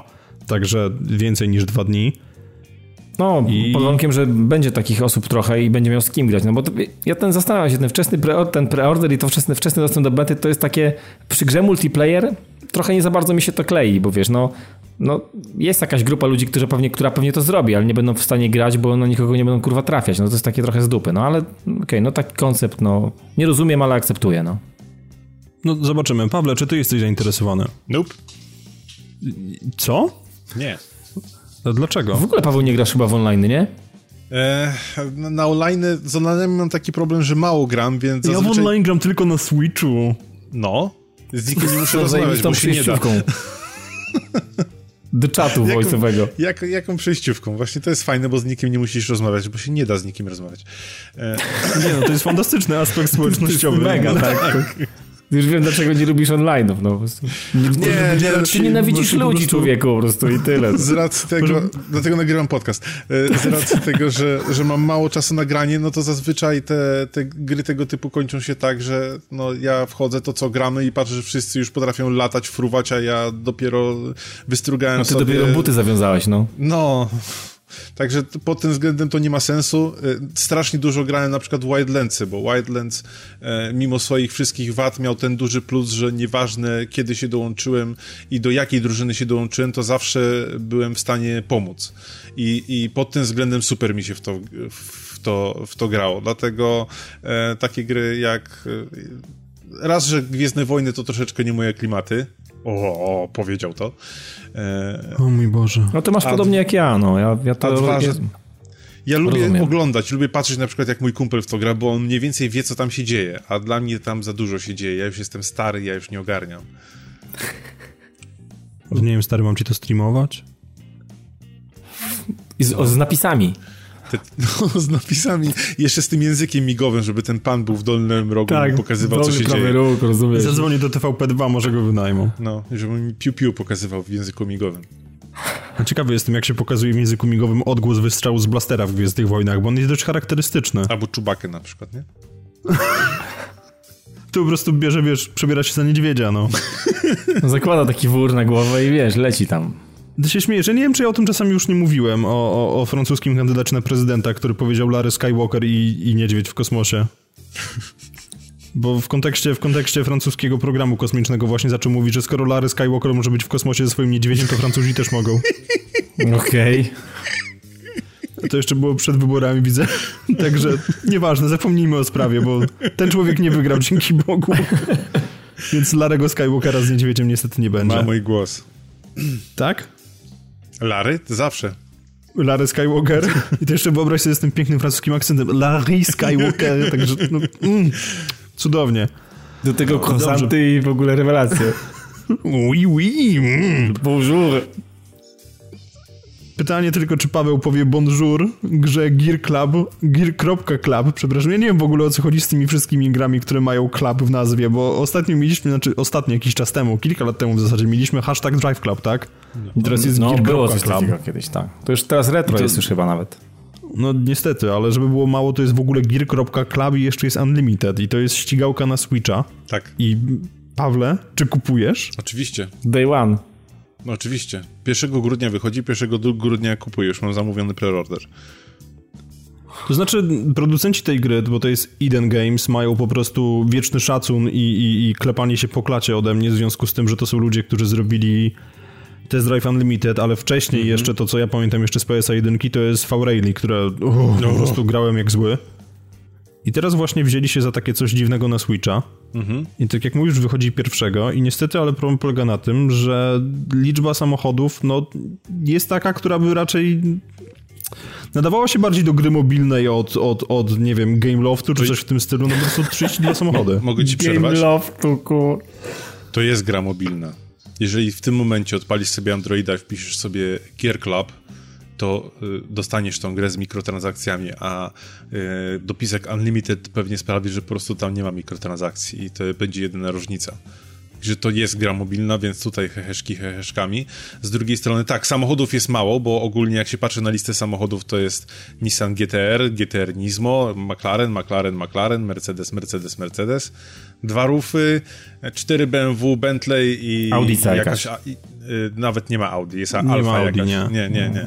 Lista jest, jest ale jest Alfa Romeo 8C Competizione, także natomiast, jest... natomiast, mimo wszystko, to jest pierwszy, to są pierwsze wyścigi na Switcha, dlatego uznaję to za ważną grę, bo nie ma innych wyścigów takich y, z prawdziwymi licencjami, bo zaraz ktoś mi powie, o, jest Mario Kart! Nie, Mario Kart jest i to też są wyścigi, ale mi chodzi o takie wyścigi z prawdziwą licencją. I ja nie spodziewam się, że to będzie symulacja, no bo to nie może być symulacja, bo Switch nie ma analogów. E, e, A no tak, o Boże. No. Ale chwilę, on, on, on, chyba też nie ma nawet spustów analogowych, tylko ma cyfrowe. No właśnie o tym mówię. Jedziesz albo nie jedziesz, on-off po prostu. Znaczy ma, ana ma analogi, ma gałki analogowe, tak, żeby tutaj nie było, ma gałki z lewej i z prawej ma gałki analogowe. Natomiast spusty nie są analogowe, więc y, trudniej by było o jakąś grę, która by chciała gdzieś tam musnąć symulację, więc nastawiam się na czysty arcade pokroju e, Need for Speeda, ale mimo wszystko chcę strasznie w to zagrać, bo już gdzieś na trailerze zobaczyłem, że będzie e, można mieć swój własny garaż, gdzie będzie można robić sobie wystawy swoich samochodów, malować je, przerabiać i te różne takie pierdoły, które się sprawdza raz i później się w to już więcej nie chce grzebać, ale no takie rzeczy mi, mi, mi sprzedają gry, bo yy, mimo wszystko gdzieś tam liczę, że, że to będzie chociaż troszeczkę inna gra od wszystkich. Mhm, ale rozumiem, że gdyby był mod, który umożliwiałby ci wyrzucenie przez okno Lotusa skórki po bananie, to po prostu byś kupował jak zwykle. no, czad. Kiedyś była tak taka gra, jak ona się nazywała? Miała prawdziwe licencje samochodów i były power-upy, właśnie były tam... Blair. Blair. I to, było, to była świetna gra, naprawdę. Blair... Bizarre Creations, chyba ostatni tytuł, jaki no, w ogóle zrobili. To, to, była, to była naprawdę świetna, niedoceniona gra. Ja ją bardzo doceniałem i ja w nią dalej gram na Xboxie 360, bo nawet nie jest w kompatybilności wstecznej na łance, żeby było zabawniej, więc 360 przeciągnąłem w zasadzie dla tej gry i, i dla jakiegoś jeszcze tytułu, którego no, nawet teraz widzisz, nie, nie widzę. Czyli ty teraz udowodniłeś, że jesteś w stanie zrozumieć, dlaczego chcę kupić Gear Cluba. No okej. Okay. W sumie masz alibi, no. You, you, got me. No ale w każdym razie tak, ale Blair był świetną częścią niestety, ale i, i, wiem, że mówię to praktycznie przy każdej okazji, ale zostali udupieni przez dużego wydawcę Ergo. Activision, czyli bardzo podobny sposób postępowania jak w wypadku pewnego Criterion Games, które robiło niegdyś Burnouty, a teraz zajmuje się Dlatego, wiem, modułem z TIE Fighterami do Battlefronta. Dlatego no... mnie trochę śmieszą te porównania, bo ja wszędzie, gdzie widzę to, jak jest mowa właśnie o Gear Clubie, to wszyscy mówią, o, bo w Forcie jest 700 samochodów, no, no ale to jest Switch, no, no kurde, no mimo wszystko to dalej nie rozumiem, dlaczego Switcha się porównuje do, do Xboxa i do PS4. Znaczy nie, wiesz co, czekaj, jeszcze, jeszcze pozwól, że ci wtrącę. Generalnie rzecz biorąc, liczba samochodów jest kretyńsko mała i jakby moc konsoli nie ma tutaj absolutnie nic do powiedzenia, no bo jakby już były pacze, które są większe od samej gry na Switcha, więc wypuszczenie teraz takiej łatki, w której byłyby dodatkowe samochody. Ja podejrzewam, że oni to zrobią w formie DLC, ale wypuszczenie łatki, w której byłyby dodatkowe samochody, czy po prostu zdeployowanie ich na zdalny serwer, żeby zostały zaciągnięte po tym, jak kupisz grę, nie stanowi większego problemu. Tutaj podejrzewam, że po prostu poszło o hajs i o licencje, które ewentualnie można było udostępnić. No pewnie tak. No, znaczy skupianie się na, sam, na samej liczbie samochodów, to mnie to, mnie to nie rusza. No ja yy, nie jestem taki nienormalny aż tak bardzo jak ty, ale nigdy nie udało mi się w Forzie wykorzystać nawet 25% samochodów, które, które yy, gra oferowała. Mhm. No dobrze. Miałem swoje to... ulubione samochody i po prostu na nich się skupiałem, to były moje dzieci. Czy którykolwiek z twoich ulubionych samochodów jest na tej liście? Eee, tak. Na pewno bardzo, bardzo chcę pojeździć Eworą 400, bo ją bardzo e, dobrze pamiętam i ostatnio na setnym odcinku do Dechy mówiłem, oho, taka reklama. E, jest, e, jest Mustang GT z 2015 roku, którego też uwielbiam, a mhm. myślę, że najbardziej będę się ślinić do Bentleya Continentala GT, bo ten nowy mi się nie podoba, a ten, który jest w grze, to jest właśnie ten ostatni, który mi się najbardziej podoba. Jest mhm, też... Ten, który był niezmieniony przez 12 lat tak. i wygląda jak samochód piłkarza. Dlaczego jak samochód piłkarza? Rozwin tą myśl. Jestem ciekawy bardzo tego. Bo piłkarze nie mieszczą. No okej, okay, no tylko i wyłącznie do tego, tak? No, bo jest drogi i jemu to przeszkadza. A, bo jest, a, bo jest drogi. A jak jest on, drogi, on, no to wiadomo, że piłkarze, tak? No, no, on, on wiesz, on sam księża robi, nie? Księża też mogliby jeździć, no też drogi jest. No. A podejrzewam, że jacyś są tacy, którzy są wyposażeni w Bentleya. Nie no, wiesz, ta lista samochodów jest krótka, ale jest kilka fajnych samochodów. No, mnie cieszy... Nie, ja się absolutnie zgadzam, tylko ja mam straszny problem z tym, że po raz kolejny po prostu, ja nie wiem w końcu, co się stało z licencją Porsche, ale no po raz kolejny patrzę na listę i zamiast Porsche widzę RUF. Obstawiam, że za późno, wiesz, bo pamiętaj, że to jest gra portowana z komórek i oni na tych komórkach, jak ta gra istnieje, nie wiem, od roku, od dwóch, bo to na komórkach gry tyle istnieją i, i je się rozwija, to po prostu tam nie mieli licencji, teraz nie chcieli się w to pakować. Ja się nie zdziwię, jeżeli się okaże, że wiesz, ta gra będzie jakimś mega sukcesem, to oni się szarpną na, na, na licencję Porsche. Ale to, no to jest, mimo wszystko, ja obstawiam, że to jest po prostu stara gra, którą w miarę łatwo udało im się przyportować na, na Switcha i chcę zobaczyć, jak to się sprawdzi i czy jest sens robienia na przykład Gear Club 2 w przyszłości, która będzie ekskluzywem na, na Switcha. No każdy teraz musi rozeznać, czy Switch jest jego platformą docelową i czy warto, czy nie warto. To na ostatnim odcinku o tym mówiliśmy. Tak. W ostatnim odcinku mówiliśmy także o demie siódmej Forza Motorsport i jest to gra, którą dzięki wsparciu naszych patronów, czy w zasadzie jednego mecenasa, który był na tyle łaskawy, żeby e, rzucić się kodem, ja ogrywam siódemkę. Ogrywam ją na, na standardowym Xboxie One i wygląda ona zatrważająco dobrze, więc boję się tego, co będzie na Xie i jak bardzo będę się ślinił. Tak, nie wiem, czy mój telewizor jest wodoodporny, czy nie, ale przekonamy się wkrótce. Natomiast problem z siódmą Forzą polega na tym, że niestety, ale ona ma bardzo wyraźnie fundamenty zrobione pod system mikrotransakcji i to jest kurewsko frustrujące. Pojawiło się w tej grze coś, czego ja absolutnie nienawidzę i mówiliśmy już o tym przy różnych okazjach, czyli pojawiły się skrzynki. Te... O nie. Loot crate tak zwane, loot crate. Loot crate, te, te, te, te gówna po prostu i póki co można je kupić tylko i wyłącznie za walutę, którą jakby zdobywamy w grze, tak? Więc no tam najtańsza, nie wiem, kosztuje chyba 20 tysięcy, więc jedziemy sobie na wyścig, zdobywamy tam 10 tysięcy za jeden, więc przejeżdżamy dwa i możemy sobie kupić loot crate'a, w którym będzie Bóg wie co, bo są tam różne fantastyczne rzeczy. Loot crate'y kosztują od 20 do 300 tysięcy. I generalnie rzecz biorąc, to jest po prostu podwalina. Zresztą Ars Technica chyba już gadała z Turn Ten i oni się przyznali do tego, że w przyszłości prawdopodobnie będzie można kupować je za tokeny. Tokeny to była waluta, która już pojawiła się tak, we wcześniejszych tak. odsłonach. Mogłeś sobie kupić garść tokenów i potem za te tokeny kupować samochody zamiast za normalną walutę z gry. I okay. frustruje mnie to. Frustruje mnie, mnie, to jak jasna cholera, bo z tego co w ogóle widziałem, to przy okazji też wydymali ludzi, którzy kupili edycję VIP, ponieważ w edycji VIP do tej pory było tak, że było to takie trochę bezczelne pay to win. Bo dochodziło do sytuacji, w której kupując tę edycję VIP-owską, tak, dostawałeś taki magiczny pierdolnik, który sprawiał, że z każdego wyścigu miałeś podwojone kredyty, czyli no. no de facto wygrywałeś dwa razy więcej. No, a już tak nie Teraz jest? tak nie jest, bo dostajesz na start Nic. pięć tych loot crate'ów, i w każdej z nich jest karta, która umożliwia ci uzyskanie tego bonusa przez 5 wyścigów, czyli w sumie 25 wyścigów przejdziesz w grze i cały twój bonus wynikający z członkostwa VIP idzie się Fajnie. To, to w następnej części, jak wyjdzie Forza 8, to pewnie zrobią tak, że ten bonus będzie się aktywować na 25 minut. Nieważne, czy jest konsola włączona, czy nie. W sumie to nie byłoby głupie, to jest całkiem prawdopodobne. I mało tego, oni jeszcze też przy okazji, ale to dojdziemy jeszcze do, do właściwej recenzji, ja podejrzewam, że za tydzień albo za dwa tygodnie już zobaczymy, jak, jak, jak mi będzie szło dalsze ogrywanie tego. Natomiast oni zrobili jeszcze jeden patent, który jest potwornie wkurzający, ponieważ do tej pory było tak, że w momencie, kiedy ktoś jeździł, tak, cały system poziomu trudności polegał na tym, że mogłeś sobie niezależnie ustawić, czy chcesz mieć, nie wiem, system kontroli trakcji, stabilności, na jakim poziomie mają być przeciwnicy, czy będziesz miał odpaloną tą, żeby ci pokazywało idealną linię i tak dalej, i tak dalej. I za wyłączenie, za wyłączenie każdego z tych parametrów dostawałeś dodatkowy bonus do zarobku. Więc w momencie, kiedy byłeś jakimś takim, no mówiąc brzydko, przechujem, to mogłeś zdobywać równie dobrze i 100% dodatkowej kasy z każdego No. wyścigu, co automatycznie by też zaburzyło niejako To tego już w też nie oczach ma? twórców. Słucham? To tego już też nie ma? Nie ma tego.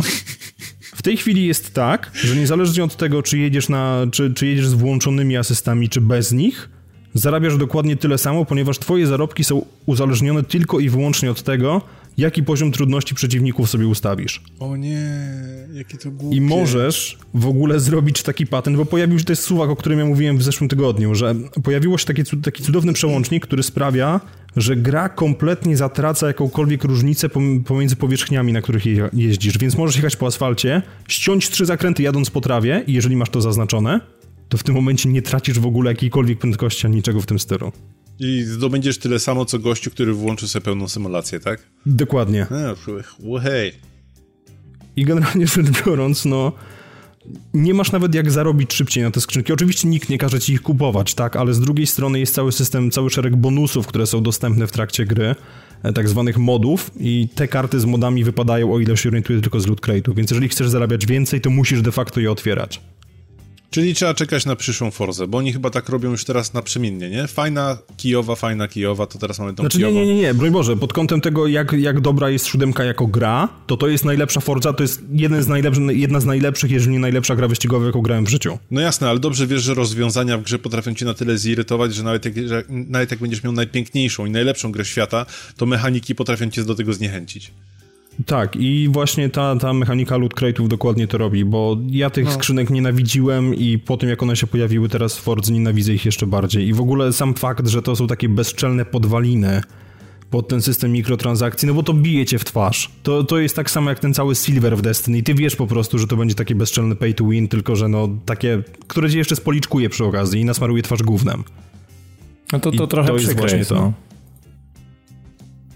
Także, no, czułem się w obowiązku, żeby o tym po prostu powiedzieć, ponieważ to wyciekło teraz i Microsoft, że było zabawnie na, na swoim sklepiku, nie informował o tym, mówił tylko, że członkostwo VIP, więc e, że będziesz miał o 100% więcej zarobków i dopiero potem, jak się zrobił shitstorm w internecie, to stwierdzili, że hmm, warto byłoby im powiedzieć, że to tylko na 25 wyścigów i teraz już to zmienili.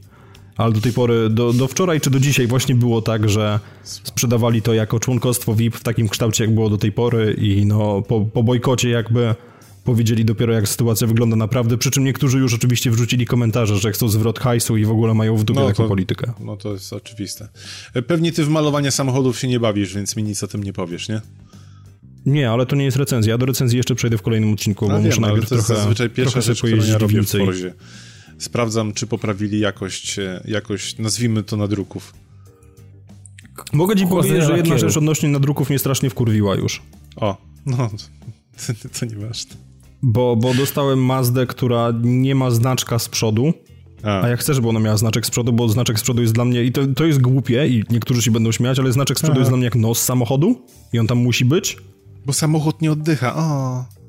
Nie, bo samochody mają twarze i to wygląda trochę tak jak postać z mangi, która po prostu ma autyzm, no ej, przepraszam. Ej, ej, ej. Pewnie, pewnie była szczepiona. Ha, Z kim była szczepiona? dupami. Jezu. Nie, ale, ale tak jak już jesteśmy przy tym kreatorze, to może szybko wyjaśnię o co chodzi. W momencie, kiedy wiecie jak, jak są przyczepione znaczki na samochodzie, że one w zasadzie tylko z jednego kąta wyglądają właściwie, a z innych są spłaszczone, więc jeżeli ustawisz kamerę tak, żeby była jak najbliżej ziemi, no to wiadomo, że będzie miał inny kształt niż w momencie, kiedy weźmiesz ją maksymalnie na górę. No to się wydaje być logiczne. Tak, i winyle w tej części, jeżeli chodzi o loga producentów, nie wiem, może tak też było wcześniej, ale jeżeli chodzi o loga producentów, wyglądają właściwie tylko i wyłącznie widziane centralnie na wprost samochodu. Więc jeżeli chcesz nakleić znaczek Mazdy, to on wygląda dobrze tak długo, jak masz kamerę na wysokości zderzaka, ale jeżeli ją podniesiesz, to nakleić znaczek rozciągnięty w pionie. No. no Tego tak się było. bałeś, Paweł, co? No właśnie o to się pytałem, bo ja, ja lubiłem, bo ja w poprzednią i For Horizona jak grałem i w poprzednią Forza ja narobiłem sobie właśnie różnych logotypów, w tym do dechy i malowałem te samochody, ale one no raz, że straszna pikseloza, on tak jakby nie nakładał jakby grafiki wektorowej, tylko, tylko bitmapy, które rozciągał strasznie. I to, no to wyglądało kiepsko niestety, jeżeli się chciało zrobić jakieś fajne screeny z, z, z ulubionym logotypem albo ulubionym malowaniem, ale to już trzeba być naprawdę bardzo dziwnym osobą, żeby zwracać uwagę na takie rzeczy. Okej. Okay. No niestety dalej ta pikseloza występuje, tyle ci powiem. Znaczy ja domyślam się, że to jest kwestia tego, że no gdyby nagle te tekstury też miały być wysokiej rozdzielczości, to to, to byłoby po, potężne obciążenie dla samego silnika, więc to musi być jakoś tak zoptymalizowane i, i, i nie może obciążać aż tak bardzo, no bo tam ile jest samochodów maksymalnie w wyścigu teraz? 24. 24, no to gdyby każde miało malowanie tam po 6000 warstw, bo tam przynajmniej chyba w poprzedniej części było 6000 warstw, albo tak, no w każdym razie już w tysiącach, no to, to tak, to żadna konsola, to nawet PC-ty by się na tym krztusiły, także pod tym względem to, to rozumiem, tylko myślałem, że może chociaż w jakimś fotomodzie albo, albo gdzieś pod, pod podwyższają to, żeby można było sobie ładne zdjęcia porobić. No nieważne, dziwny jest Nie wiem, może w końcu ludzie z ten, ten wpadną na to, żeby można było zrobić spłaszczanie tych warstw i, i wtedy będzie wszystkim się lepiej żyło, no, natomiast... No, to by był świetny pomysł. Gdyby po prostu tak. na sam koniec można było to spłaszczyć i po prostu nałożyć i, i, i by było super.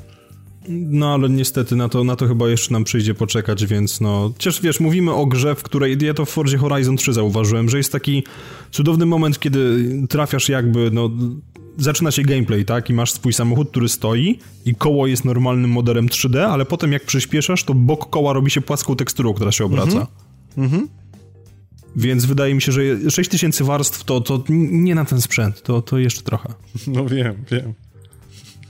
No, także, ale to myślę, że tyle, jeżeli chodzi o Forza Motorsport, to o tym porozmawiamy sobie więcej za tydzień. Podejrzewam, że i Robert będzie miał trochę pytań odnośnie samej gry i też będzie chciał się powyżywać na niektórych systemach, więc darujmy już sobie ten temat, chociaż sama gra, tak jak mówię, jest naprawdę świetna i przejdźmy do gry, która nazywa się Morfight i podejrzewam, że Dawidzie ty ogrywałeś. Oczywiście, że ja. Ja uwielbiam takie rzeczy, więc...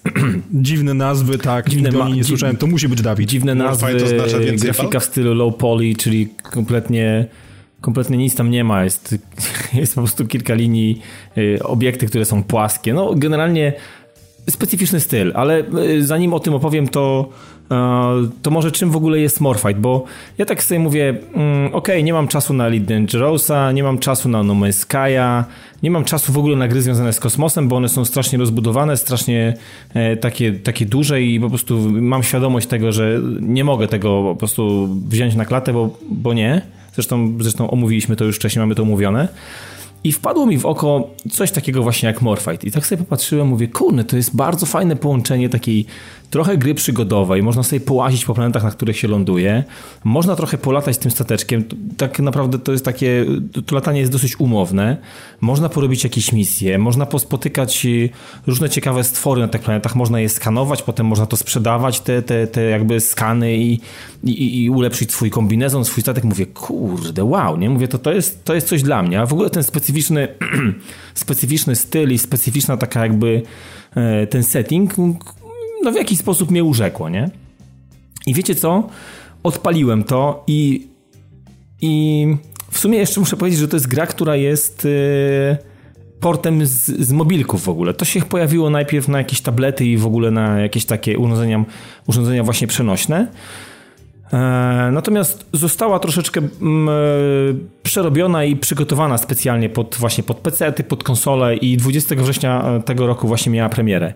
I wiecie co? Ku mojemu zaskoczeniu okazało się, że to jest właśnie ta, ta ilość zaangażowania, której, której wymaga ode mnie Morfight, jest w sam raz. Po prostu zrobiłem niemalże wszystko w tej grze, co chciałem zrobić, łącznie z, z wątkiem fabularnym, o którym za chwilę tutaj trochę go na, na, nakreślę, z, ze zrobieniem e, ulepszenia maksymalnie statku, ulepszenia sobie maksymalnie kombinezona, w którym, e, kombinezonu, w którym chodzę, po, po, po naprawdę nagranie się takim, wiecie, to jest takie, bo to oczywiście gra nie ma końca, można cały czas latać po tych planetach, one są generowane losowo i za każdym razem na tej planecie jest coś nowego, coś ciekawego e, i, i, i niepowtarzalnego. Natomiast po niemalże 30 godzinach latania e, nagrałem się na tyle, że po prostu skończyłem wątek fabularny, zrobiłem co chciałem zrobić i jestem zadowolony, że e, przyszło mi grać e, w ten tytuł, więc e, tak to... Ale czekaj, ty nie masz czasu na Elite Dangerous, a wpierdzieliłeś 30 godzin w grę, która jest niemalże tym samym, tylko że z gorszą grafiką? Tu nie chodzi o grafikę stricte, Piotrek. Tutaj chodzi o to, że ja wiedziałem, że mm, ta gra ma punkty od A do Z. Elite Dangerous że tego nie ma. Tak, że ona się skończy. Po prostu ja, ja... Nie chciałeś być jak ja, wyruszający w czerwcu. Trochę tak. Nie chciałem po prostu, okay, nie chciałem odpalić Morfighta i, i, i za dwa lata stwierdzić, że muszę teraz wracać, nie? E, nie chciałem tego zrobić. Po prostu ja wiedziałem, że e, główną osią e, tej gry jest wątek fabularny, gdzie wcieramy się w rolę pewnej dziewczyny o imieniu Marej, i ona swoim przybranym tam starym prowadzi jakiś warsztat na jakiejś planecie. No i okazuje się, że jakaś tam jest kolejna, on, on jej zleca jakąś kolejną misję, ona gdzieś tam sobie leci, ma takiego jeszcze, takiego małego przydupasa, takiego, takiego ghosta, takiego kota, i który, który gdzieś tam z nią, z, nią, z nią lata, jest jakby jej doradcą i generalnie jedna z tych misji przeradza się w jakąś taką mega przygodę i, i, i jakby e, chęć rozwikłania przez tą naszą postać e, tej, tej, tej zagadki ciągnie nas przez pewien, e, pewien ciąg misji różnych takich różnych, naprawdę ciekawych. Są to jakieś takie platformery, trochę jest skakania, wiecie, trochę jest, jakieś są wyścigi w kosmosie, trochę jest jakieś walki z obcymi na, na, na, na, różną, na różną broń, bo tu jest i broń właśnie e, laserowa, jakieś wyrzutnie rakiet, trochę jakichś e, urządzeń skanujących, jakieś takie mm, możliwość generowania sobie platform, po których można skakać. Generalnie dużo takich fajnych kombinacji, e, które nie wiem, można kojarzyć trochę nawet nie wiem, z Metroida, czy nie wiem, z Ratcheta i Clanka nawet według mnie, czy, czy z jakichś tego, tego typu gier, więc trochę takich platformówkowych rzeczy jest, ale wszystko jest jakby w utrzymane w takim, w takim FPS-ie. Mamy FPP takie klasyczne, gdzie, gdzie, gdzie po prostu sobie latamy po, latamy po tych, skaczemy po tych planetach i tak dalej. Natomiast y, mm, okazuje się, że tak bardzo mocno spłaszczona jest y, ta warstwa latania, wiecie co, eksploracji, handlu, y, walki z obcymi, że ten poziom jest na takim bardzo niskim poziomie, że bardzo łatwo jest y, człowiekowi wejść w tą grę. Jest ona bardzo przyjemna, jest y, naprawdę, naprawdę super to jest grywalne, przynajmniej dla mnie. Y, I, do tego jest fantastyczna muzyka, fantastyczne kolory. Wiecie, to trochę przypomina takiego takiego No Man's Sky, ale w takim zupełnie innym settingu. Jest dużo jaskrawych kolorów, dużo, dużo fajnych, fajnych kształtów, takich wygenerowanych naprawdę w taki sposób, no, specyficzna. Trzeba by zobaczyć, y, proponuję wam zobaczyć sobie albo trochę materiałów. Ja może w tym tygodniu nie, nie, nie będę miał możliwości jeszcze postreamowania, ale może, może będzie jakiś taki moment, że pokażę wam, pokażę wam ten tytuł i jak on wygląda, jak on się prezentuje, bo naprawdę jest w jakiś sposób, na swój sposób specyficzny, ale też uroczy y, w tym wszystkim. E, I, i w sumie wiecie co, z, oprócz tego, e, że mamy jakieś tam misje, to co jakiś czas mamy oczywiście też walki z bossami. To o, oczywiście to są walki takie dosyć trywialne, wiecie, tu walczymy z jakimś, z jakimś ogromnym pająkiem, e, e, to gdzieś walczymy sobie z jakimś, z jakimś innym takim wielgachnym, jakimś ala dinozaurem czy coś. Wiecie, z jakimiś takimi stworami, które gdzieś tam pilnują pewnego minerału, który, który, który gdzieś tam musimy znaleźć. Zresztą sama ta nazwa Morphite jest to taki właśnie jeden z tych minerałów, taki bardzo rzadki i występujący bardzo rzadko w kosmosie. I cała jakby zabawa e, i cała, cała, cała fabuła kręci się wokół tego całego e, Morphite'a, który, z którym gdzieś tam się stykamy, natomiast nie jesteśmy w jego posiadaniu, natomiast później to się jakoś tam w jakiś sposób przemienia i, i, i ten Morphite faktycznie ma jakieś dla nas sensowne znaczenie i, i zaczynamy w jakiś sposób rozumieć po co to jest i, i jak, jak z tego korzystać. Natomiast to jest bardzo fajne i co jest ciekawe, w takiej bardzo małej grze e, każdy z dialogów jest mówiony. To jest w ogóle coś, co w ogóle byłem w szoku. Tak w, e, Ciekawe, czy Nintendo słucha. Wiesz co? Nie wiem. W każdym razie ogrywam również e, Rainera w tej chwili, naszą polską produkcję, która jest też absolutnie urocza, jest fantastyczna, ale o niej powiem pewnie za tydzień, jak ją skończę.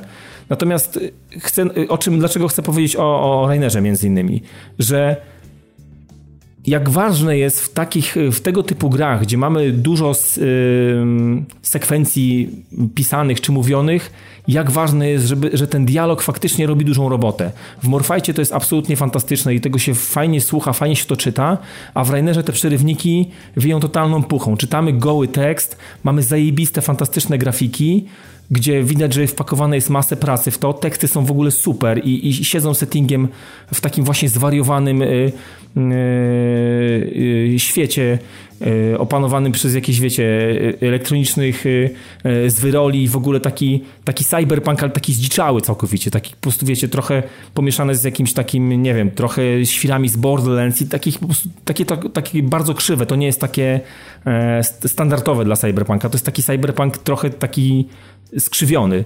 I, I, brakuje tego, żeby, żeby podkreślić to, te zajebiste dialogi, fajnie napisane zresztą, które po prostu czyta się bardzo fajnie. Brakuje, żeby to było przeczytane przez kogoś, który, kto, kto rozumie e, e, to, co tam się dzieje i, i, i przekazał to jeszcze bardziej e, ktoś, kto w to gra.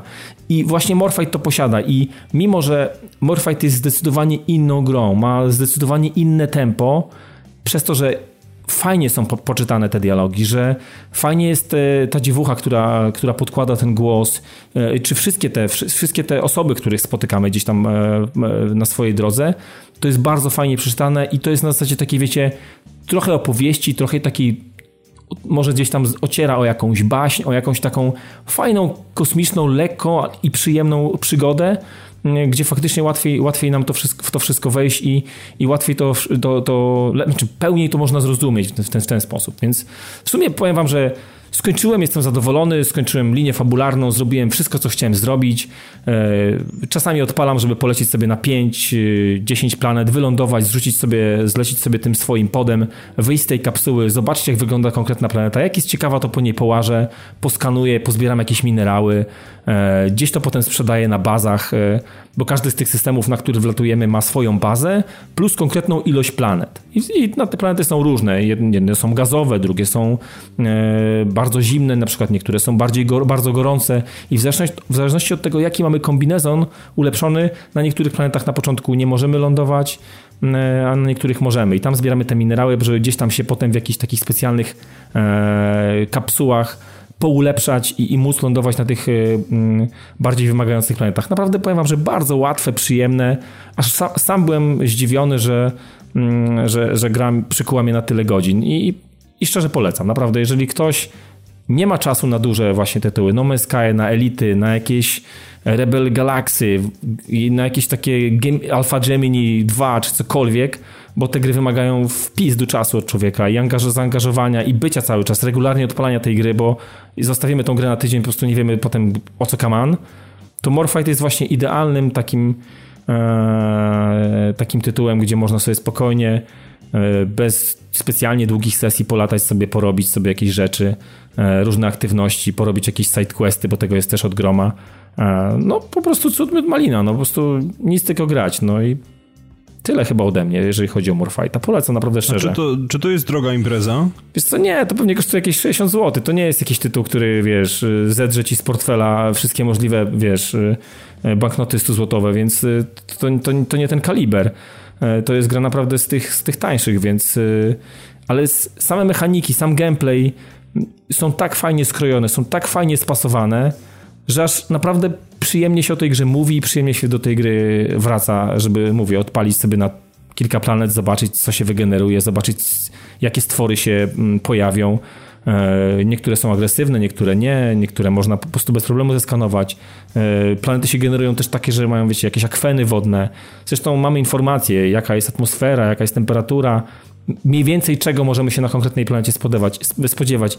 I, co, I co jest zadziwiające, jeszcze tak na koniec powiem, że te planety naprawdę niektóre są bardzo, bardzo duże i położenie po takiej planecie, żeby ją naprawdę przekopać, mm, e, czasami potrzeba nawet 30-40 minut, więc y, to są takie planetki, które naprawdę y, potrafią człowieka przykuć na chwilę, a są takie, gdzie człowiek ląduje, y, odpalasz sobie na chwilę mapę i widzisz, że masz trochę w lewo, trochę w, trochę w prawo, gdzieś przed siebie y, kawałek, może jakiś sklep z amunicją u jakiegoś ufoluda, u którego możesz się zaopatrzyć i to jest absolutnie wszystko. Zbierzesz sobie z dwa, trzy minerały, przeskanujesz jakieś dwa potwory, jakieś trochę, trochę roślin, roślinności i znikasz tam w ciągu 10-15 5-10 minut zwijasz się z takiej planety i generalnie nie masz co na niej robić, na, na, na niej nie ma co robić, więc no każda planeta za każdym, za każdym razem jest jakąś tam zagadką, więc no naprawdę super przyjemne. Polecam sobie to obczaić, a jeżeli komuś to się spodoba, to brać w ciemno. Naprawdę super rzecz. Ja jestem w 100% rozumiem, przekonany. Wychodzi nie, proszę, też, Pawle, mów, mów. Jestem w 100% przekonany, bo wychodzi też na Switcha. I to, no to jest... stary, to już...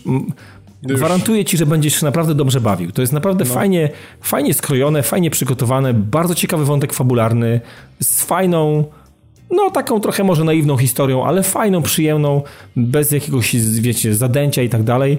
To naprawdę wszystko tam gra, tam wszystko to pasuje. To zostało fajnie przemyślane i nikt tutaj nie chciał stworzyć drugiego No Man's Sky, drugiego Elite Dangerousa, tylko właśnie coś w swoim takim stylu, i, i, i to się udało. Plus samochod, samochodzenie na, po, po, po, po bazach. To nie jest tak, że lądujemy na bazie i mamy tam jakąś listę te, czegoś tam do zrobienia. Nie, możemy spokojnie po niej spacerować. To, i, to się, I to jest gra, która nawet nie ma jednego gigabajta na dysku. To ma 800 mega ta gra zajmuje, więc no wow. generalnie... Czy ona jest tekstowa? Nie. Nie jest nie? tekstowa. To, to, jest normalnie grafika 3D, taka trochę lepiej niż wektorowa bym powiedział, no. Takie okay, naprawdę low poly, okay, ale nie wektory, nie? To jest taki troszeczkę krok wyżej. Pobierasz y, grę w pliku doc. tak, zmieniasz na exe i odpalasz. Tak też myślałem. Także no póki co, ja, ja, znaczy ja jestem osobiście pod wrażeniem tego tytułu i wywarł na mnie ogromne wrażenie. Biorę. Polecam, naprawdę. Nie będziesz żałował. No dobrze. Pawle, to w takim razie pytanie do ciebie, chociaż ja już znam odpowiedź. Ja będę tak, chętnie słuchał. Ja, ben, nie, ja będę chętnie tak. słuchał, bo na pewno on będzie opowiadał Paweł dobre rzeczy na ten temat. Dobrze, ale chciałem się zapytać, Pawle, czy żałujesz zakupu Golf Story? Nie, to jest gra roku. Na pstryka. Gra roku. Widziałeś, tak. chłopie? E, jeżeli zna, znane są wam gry studia Kairosoftu, które wychodzą na telefony, to, e, to to jest gra, która jest pod, o podobnej stylistyce, czyli taka płaska 2D, ale jest naprawdę, ta grafika jest mega urocza i, i fajnie się na to patrzy. E, I to jest zrobione przez jakieś tam mikroskopijne studio Sidebar Games, nawet nie wiem, czy przypadkiem to nie jest ich pierwsza gra, jaką wypuścili. Oni wpadli na pomysł, że połączą golfa z... Star, Stardew Valley, tak? Ze Stardew Valley z jakąś grą RPG i, i, czymś, czymś, w tym, czymś w tym stylu. I ja uwielbiam Nie na to gry. Y, uwielbiam, uwielbiam dziwne gry, nietypowe gry, które próbują coś, coś nowego, coś innego, dlatego ja w dniu premiery kupiłem tą grę w ciemno i pograłem w nią już dobrych parę godzin. Co chwilę odkrywam coś nowego i gra jest naprawdę prze, przefantastyczna. Z góry też chciałbym za, zaznaczyć, że nie jestem profesjonalnym golferem, golfistą, nie chodzę w golfach, nie mam golfa. Nie chodzę w golfach, tak? I nic co na literę G. E, e, więc e, tutaj w tych kwestiach się nie mogę wypowiedzieć, natomiast można wybierać rodzaje tych patyków, którymi się odbija te piłeczki. Kije to są tak zwane. Kije, o właśnie, to bardzo Nie patyki. Ja, ja się muszę bliżej przysłuchiwać temu wszystkiemu, mi się to strasznie podoba, jak ty, jak ty poprawiasz Pawła, więc... Nie no wiesz, Paweł się wesoła recenzja. Zna się na pewno na samochodach, no niekoniecznie musi znać też na golfie, no. Na golfie ja się znam, ale na samochodach się na przykład już nie znam. No wiesz, no podzieliliśmy ale się. Ale golf to jest samochód. Szachmat. No, w sumie tak. Więc ale kije są różne. Kije, kije są różne, różne tak. E, I faktycznie ten element RPG i ten element golfa jest bardzo fajnie zaszyty, bo oczywiście są też jest, są lokalizacje, w których są normalne te tam te, te dołki, czy jak to tam się nazywa, że jest ich tam po 9, czy tam po 7, czy tam po ile i można grać, że tak powiem, nawet jest osobny tryb quick play, który pozwala właśnie na nagranie tylko jeżeli masz ochotę sobie pograć w takiego czystego golfa i jest y, prędkość wiatru i, i moc uderzenia i no strzały wszystko, precyzyjne. co w golfie powinno być, no. Podkręcone z, z różnymi tam mocami, jakieś tam pierdoły i, i tego, tego typu rzeczy, ale są też różne ciekawe przeszkadzajki, na przykład jeżeli strzelimy piłeczką, czy jak to tam się mówi na to małe, białe. Piłeczka. E, Piłeczka, o, to też profesjonalne określenie. E, piłeczką, jeżeli uderzymy, strzelimy, e, przerzucimy, bo też nie wiem, jakie jest profesjonalne określenie na, na, ten, na ten przelot, e, w obrębie jakiegoś ptaka, to ten ptak mhm. może z tą piłką coś zrobić. I to jest e, w danej krainie na przykład przeszkadzajkami są, są ptaki. Te ptaki potrafią ci podnieść tą piłkę i wynieść je do, do piachu, albo na trawę, albo w krzaki i, i to jest taki dodatkowy element utrudnienia. Gdzieś na, w innej krainie są na przykład żółwie, które pozwalają na to, że możesz przestrzelić piłkę przez wodę, bo piłka się odbije od ich pleców, o ile trafisz w ich obręb. No tak, I, tak, tak. innych rzeczy nie będę zdradzać, bo to fajnie, fajnie się samemu odkrywa, bo, bo idziesz do, do kolejnej jakby krainy, a tych krain ma być łącznie chyba 8, ja chyba odkryłem 3 dopiero, a no co najmniej 5 godzin mam na liczniku na, nabite. I, i po prostu czekasz, bo, bo chcesz wiedzieć, co będzie w danej krainie, jakby tą przeszkadzajką, czy tym elementem, który, że tak powiem, ubarwia tą, tą grę w golfa. Gra mhm. jest bardzo prosta do nauczenia. Te, te, te mechaniki to nawet osobie, która nie rozróżnia kijka od patyka, e, jest w stanie do, do, do zrozumienia i gra się w to mega przyjemnie i faktycznie trzeba brać pod uwagę e, natężenie wiatru i te wszystkie elementy, czy uderzysz w trawę, w głęboką trawę, w krzaki, w piach, czy, czy w tą krótko przystrzyżoną trawę, to wszystko ma, ma znaczenie. No i sam ten element RPG, gdzie, gdzie trzeba, że tak powiem, odnowić y, szacunek do tego klubu golfowego, do którego tam należy główny bohater. No właśnie, miałem zapytać, na czym polega to story, bo samo golf jest dla mnie jak najbardziej zrozumiałe, ale skąd się wzięło w nazwie tytułu gry to story? Właśnie to rozumiem, że odbudowujemy reputację klubu, który tak, ma jakąś, tak, jest tak. na dnie, rozumiem, jest, jest nędza na, totalna padaka tak, i teraz nagle trzeba być tym, gwiazd, tą, gwiazdą golfa, tak? tak Mamy za gwiazdę jest, golfa to jest typowa historia od zera do bohatera z Kumam. bardzo fajnie popra- poprowadzoną narracją. I to jest jeden element, który mnie osobiście zauroczył, bo nie spotkałem tego w żadnej innej grze. Oczywiście pewnie dostaniecie pierdyliard listów, że to już jest tak stary element wykorzystywany i wszędzie, ale ja widziałem to po raz pierwszy, bo gra nie ma y, czytanych dialogów. Wszystkie są napisane w formie chmurek y, i, wypisywanego tekstu. Mhm. Natomiast forma przedstawiania tych chmurek z tekstami jest świetna, bo na przykład jeżeli jakaś postać y, zaczyna szeptać, to, te, to ta czcionka pojawiająca się, czy ten font pojawiający się e, w tych chmurkach zaczyna się robić coraz mniejszy. Jeżeli ktoś się zastanawia, to cały dymek nagle się przekręca w jedną lub w drugą stronę. I to, że oni potrafili wpaść na pomysł, żeby właśnie e, przekazywać emocje, no bo te postacie, jeżeli zerkniecie sobie na screeny, no to tam e, to jest za mało pikseli, żeby one wykazywały jakoś większe tam no, emocje. No dokładnie, ja właśnie przeglądam sobie, no to wygląda... No, Natomiast to, że, no. że, że, oni e, emocje są w stanie przekazywać samymi tymi dymkami i to, jak tym, tym fontem kierują, to to jest super, bo naprawdę można odkryć, czy ktoś do ciebie mówi poważnie, czy ktoś się zastanawia, czy ktoś próbuje cię obrazić i, i to jest świetny element. I też jak ten golf jest zaszyty w ogóle w ten sam element ym, gry RPG, bo spotykamy się nawet z takimi na przykład małymi questami, typu, że jakieś dziecko nie chce wyjść z wody, tak? I, i matka nie wie, co zrobić, no to ty przychodzisz bohatersko i, mów, i mówisz, to ja pomogę. No tak. piłką. Dwa razy kijem w łeb i wyjdzie, nie? I musisz tą piłką trafić w to dziecko, ono wraca i, i mówi, mamo, ale ja mam teraz wielkiego guza, a ty dzielnie mówisz, no ale przynajmniej nie jest już w wodzie. No tak. Więc, więc humor w tej grze jest też bardzo... Czy możesz powiedzieć, że należy się za to 200 zł albo coś w tym stylu?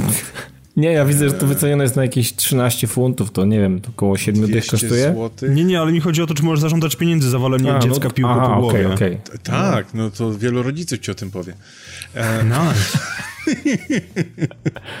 nie, gra kosztuje 60 albo 80 zł. I, no. i Przyzwoicie, no. spodziewa no. spodziewałem się o wiele mniejszej gry, bo tak jak mówię, gram to już dobrych parę godzin, a wiem, że mam przed sobą jeszcze co najmniej sześć jakichś krain, jest rozwój swoje, swojej własnej postaci, bo też są um, twoja postać z każdym dobrze zrobionym tam dołkiem, czy jak to się tam zwie, leveluje i teraz jeżeli na przykład zwiększamy e, moc uderzenia, to pomniejszamy e, precyzję i inne statystyki, więc też trzeba cały czas balansować pomiędzy tym, jak dysponujemy tymi punktami zdobytymi za, za kolejny level, żeby cał, cały czas nie ładować na przykład w moc, bo może się okazać, że co z tego, że potraficie wystrzelić na 300-400 yardów, jak piłka leci w kompletnie przeciwną stronę niż byście chcieli. No tak, to, to jest taka klasyczna, klasyczna mechanika w, w, w dobrych, w dużych grach e, symulacyjnych jest to standard. No, generalnie, jeżeli ładujemy w coś, to drugie gdzieś tam cierpi, albo trzecie tak naprawdę, to jest taki standard. No. I naprawdę byłem w wielkim szoku, jak ta gra jest rozbudowana, jak jest fajnie poprowadzona, jak jest sympatyczna. Tutaj to jest, to jest tak fantastyczna gra właśnie na relaks, bo e, tutaj, wiesz, nie ma jakiejś turbo mega akcji, że trzeba biegać, strzelać, zastanawiać się, przewracać się, turlać. E, no, mi się w to gra fantastycznie. To jest jedna z najlepszych gier, w jaką, jaką grałem do tej pory na, nie tylko na Switchu, chyba w tym roku, naprawdę. Żadna gra tak mi się nie spodobała, tak, tak, e, nie, nie dostarczyła mi tak unikatowej rozrywki i nie połączyła dwóch takich szalonych pomysłów. No to super, to kolejna fajna gra u nas dzisiaj. Ja naprawdę w 100% polecam, żeby każdy się przekonał, jeżeli chociaż trochę czasami, raz na kilka lat yy, yy, myślicie o golfie, i lubicie gry RPG, to to jest strzał w dziesiątkę, bo ja z golfem Czy... w ogóle nie mam nic wspólnego, poza tym, że wiem, że jest tam jakiś tygrys drewno, bo był na okładkach. Tak, był, był, no czy teraz już go nie ma, był, był. A, no, no właśnie, no to właśnie on i nic więcej nie wiem, ale to ja mam troszeczkę tak jak z bilardem. Nie umiem grać, ale uwielbiam. E, I tylko, że bilard się fajnie ogląda w przeciwieństwie do golfa, bo golf. Nie, golfa, golfa też się fajnie ogląda. Ja ostatnio oglądałem. No to trzeba lubić, tak? No, to tak to samo to jak trzeba lubić. lubić oglądanie tenisa, Albo, no bo w momencie, kiedy ja po prostu masz. Uwielbiam oglądać karling. No, karling też jest super dla mnie, no. Ale to ze względu chyba na, na, na kobiecą reprezentację Rosji. albo Szwedki. Na Szwedki fajnie grają w Garling. No. Okej, okay, no to, to tutaj wiesz, jest to już jest kwestia dyskusyjna, rozumiem, ale wątpię, żeby chodziło o pocieranie lodu przed sunącym się wielkim czajnikiem. Ja wam opowiadałem historię tego kamienia, nie? Kiedyś z czego jest robiony, y, te, te czajniki do karlinga, z czego są, do karlingu, z czego są robione. Nie pamiętam, ale to może być ciekawa anegdota, która nam wyłoni tytuł odcinka.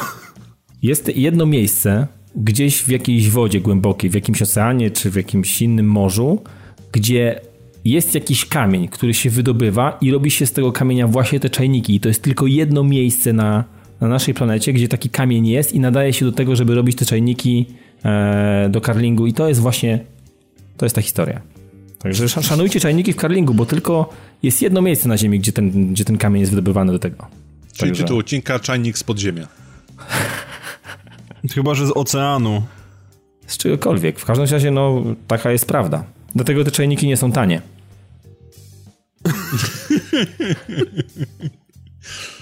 Okej. Okay. Dobrze, to w takim razie na sam koniec, bo myślę, że tym samym możemy już zamknąć rozdział o Golf Story. Chyba, że nie, jeszcze mam jedno pytanie. Pawle, powiedz mi, czy to wyszło na coś innego niż na pstryka? Nie, całe szczęście. Exclusive. no to, to, to, nie zagram w takim razie. Nie, nigdy nie zagram. Dobrze, więc myślę, że możemy tym samym przejść do Fortnite Battle, Battle Royale, czyli do trybu, który wywołał niemałą ilość kontrowersji. I, i, i, ludzie od tej dziwnej gry PUBG, Player Unknowns, Battleground, czy jakkolwiek to się nazywa, którzy, jak się ostatnio okazało, e, gracze w tej grze są, są skłonni zapłacić do 1000 dolarów za wirtualną bandanę. What? E, tak, to jest właśnie takie cudowne, cudowne, bardzo zdrowe środowisko, w którym okazuje się, że jakaś bandana, która jest w grze od półtora roku, nagle przybrała na wartości, bo w zeszłym roku kosztowała 200 dolarów wirtualna, but, but co jest samo w sobie absurdalne. Potem w te wakacje E, jej cena podskoczyła do 700 dolarów i teraz ostatnio w zeszłym tygodniu ktoś zapłacił 1016 za jedną, więc no bardzo zdrowe środowisko, nie tykać kijem, unikać jak strefy popromiennej koło Czernobyla, więc może nie rozmawiajmy o tym, ale w takim razie czekaj, czekaj, czekaj, czekaj, bo to jest tak, że jedna osoba kupiła za 1000 dolarów i teraz cały świat się jara, że jakiś y, y, dwunastolatek, który nie wie co to jest 1000 dolarów kupił y, tą jakąś bandanę, czy to większa... Nie, chodzi o to, że w momencie, kiedy wiesz, jedna osoba sprzedała za 700, następnie wszyscy podnieśli ceny ze swoich, swoich o, ze 675 do 700 i one tak się sprzedają coraz wyżej i coraz wyżej. Właśnie ostatnio w zeszłym tygodniu bariera 1000 dolarów została przebita. Pierwszy raz.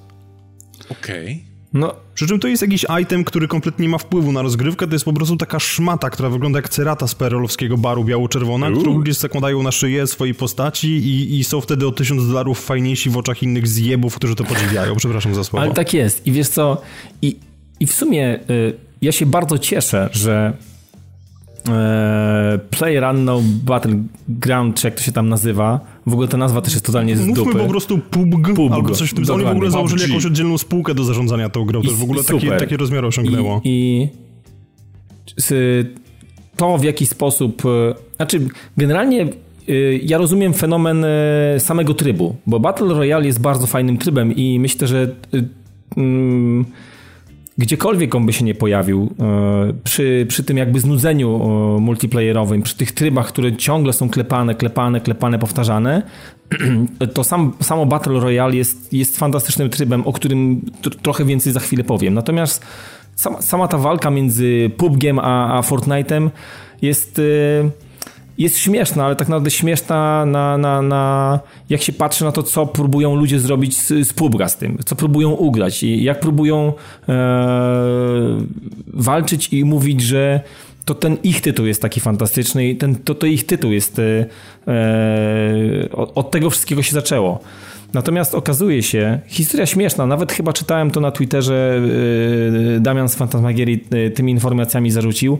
Okazuje się, że ludzie z PUBG'a czyli to są, to są ci kolesie, albo przynajmniej jeden z nich, to są ci od, od to, ta banda nieudaczników od Daisy, która e, Co ty mówisz? miała coś w rękach, tak, miała... To jest gra, która nigdy nie wyszła z bety Miała chyba. coś w rękach, wyglądała koszmarnie, wyglądała jak CS1.2, albo jeszcze, jeszcze, albo jeszcze niżej, kompletnie była tak koszmarnie zrobiona i niezoptymalizowana, że po prostu działała tylko na wybranych grupach y, komputerów albo y, no, no generalnie to był zawsze piach i, i, i pot i łzy.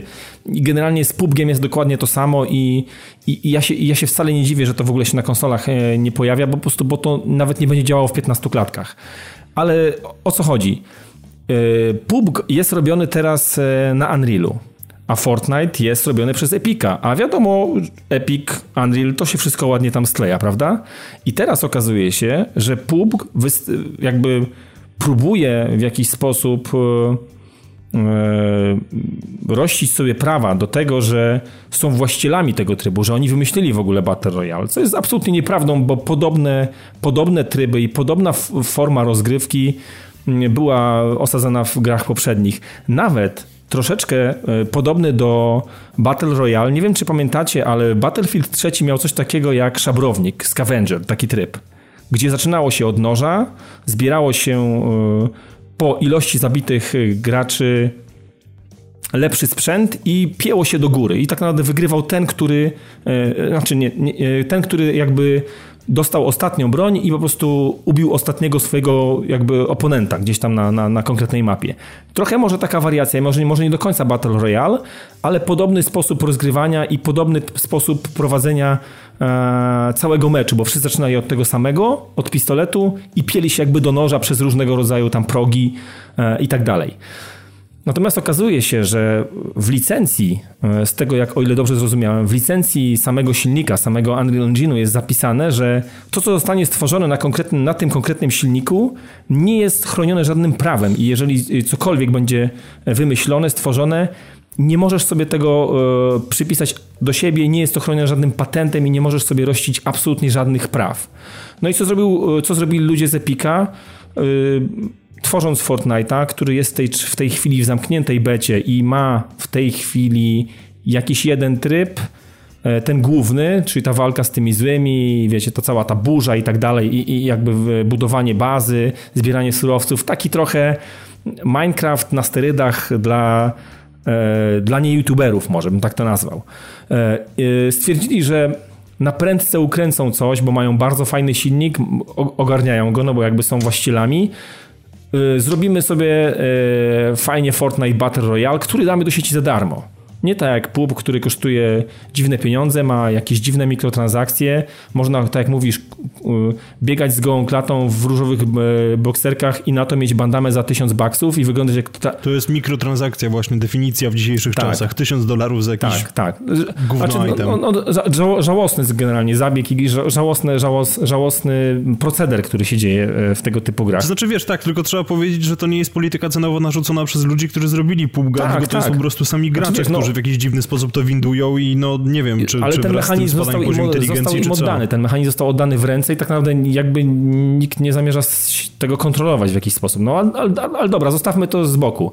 Ja się cieszę, że PUBG idzie w taką, a nie inną stronę, bo jestem święcie przekonany, że Fortnite Battle Royale, który rozwija się fantastycznie i już są zapowiedziane kolejne e, zmiany, które wejdą w tym tygodniu, pojawią się leaderboardy, pojawią się e, jakieś e, dropy na, na, na mapie i tak dalej, jakieś, jakieś zrzuty dla graczy, więc ta gra zobaczycie, ona za pół roku Fortnite Battle Royale to będzie coś, yy, czego najprawdopodobniej świat gry multiplayerowej jeszcze nie widział.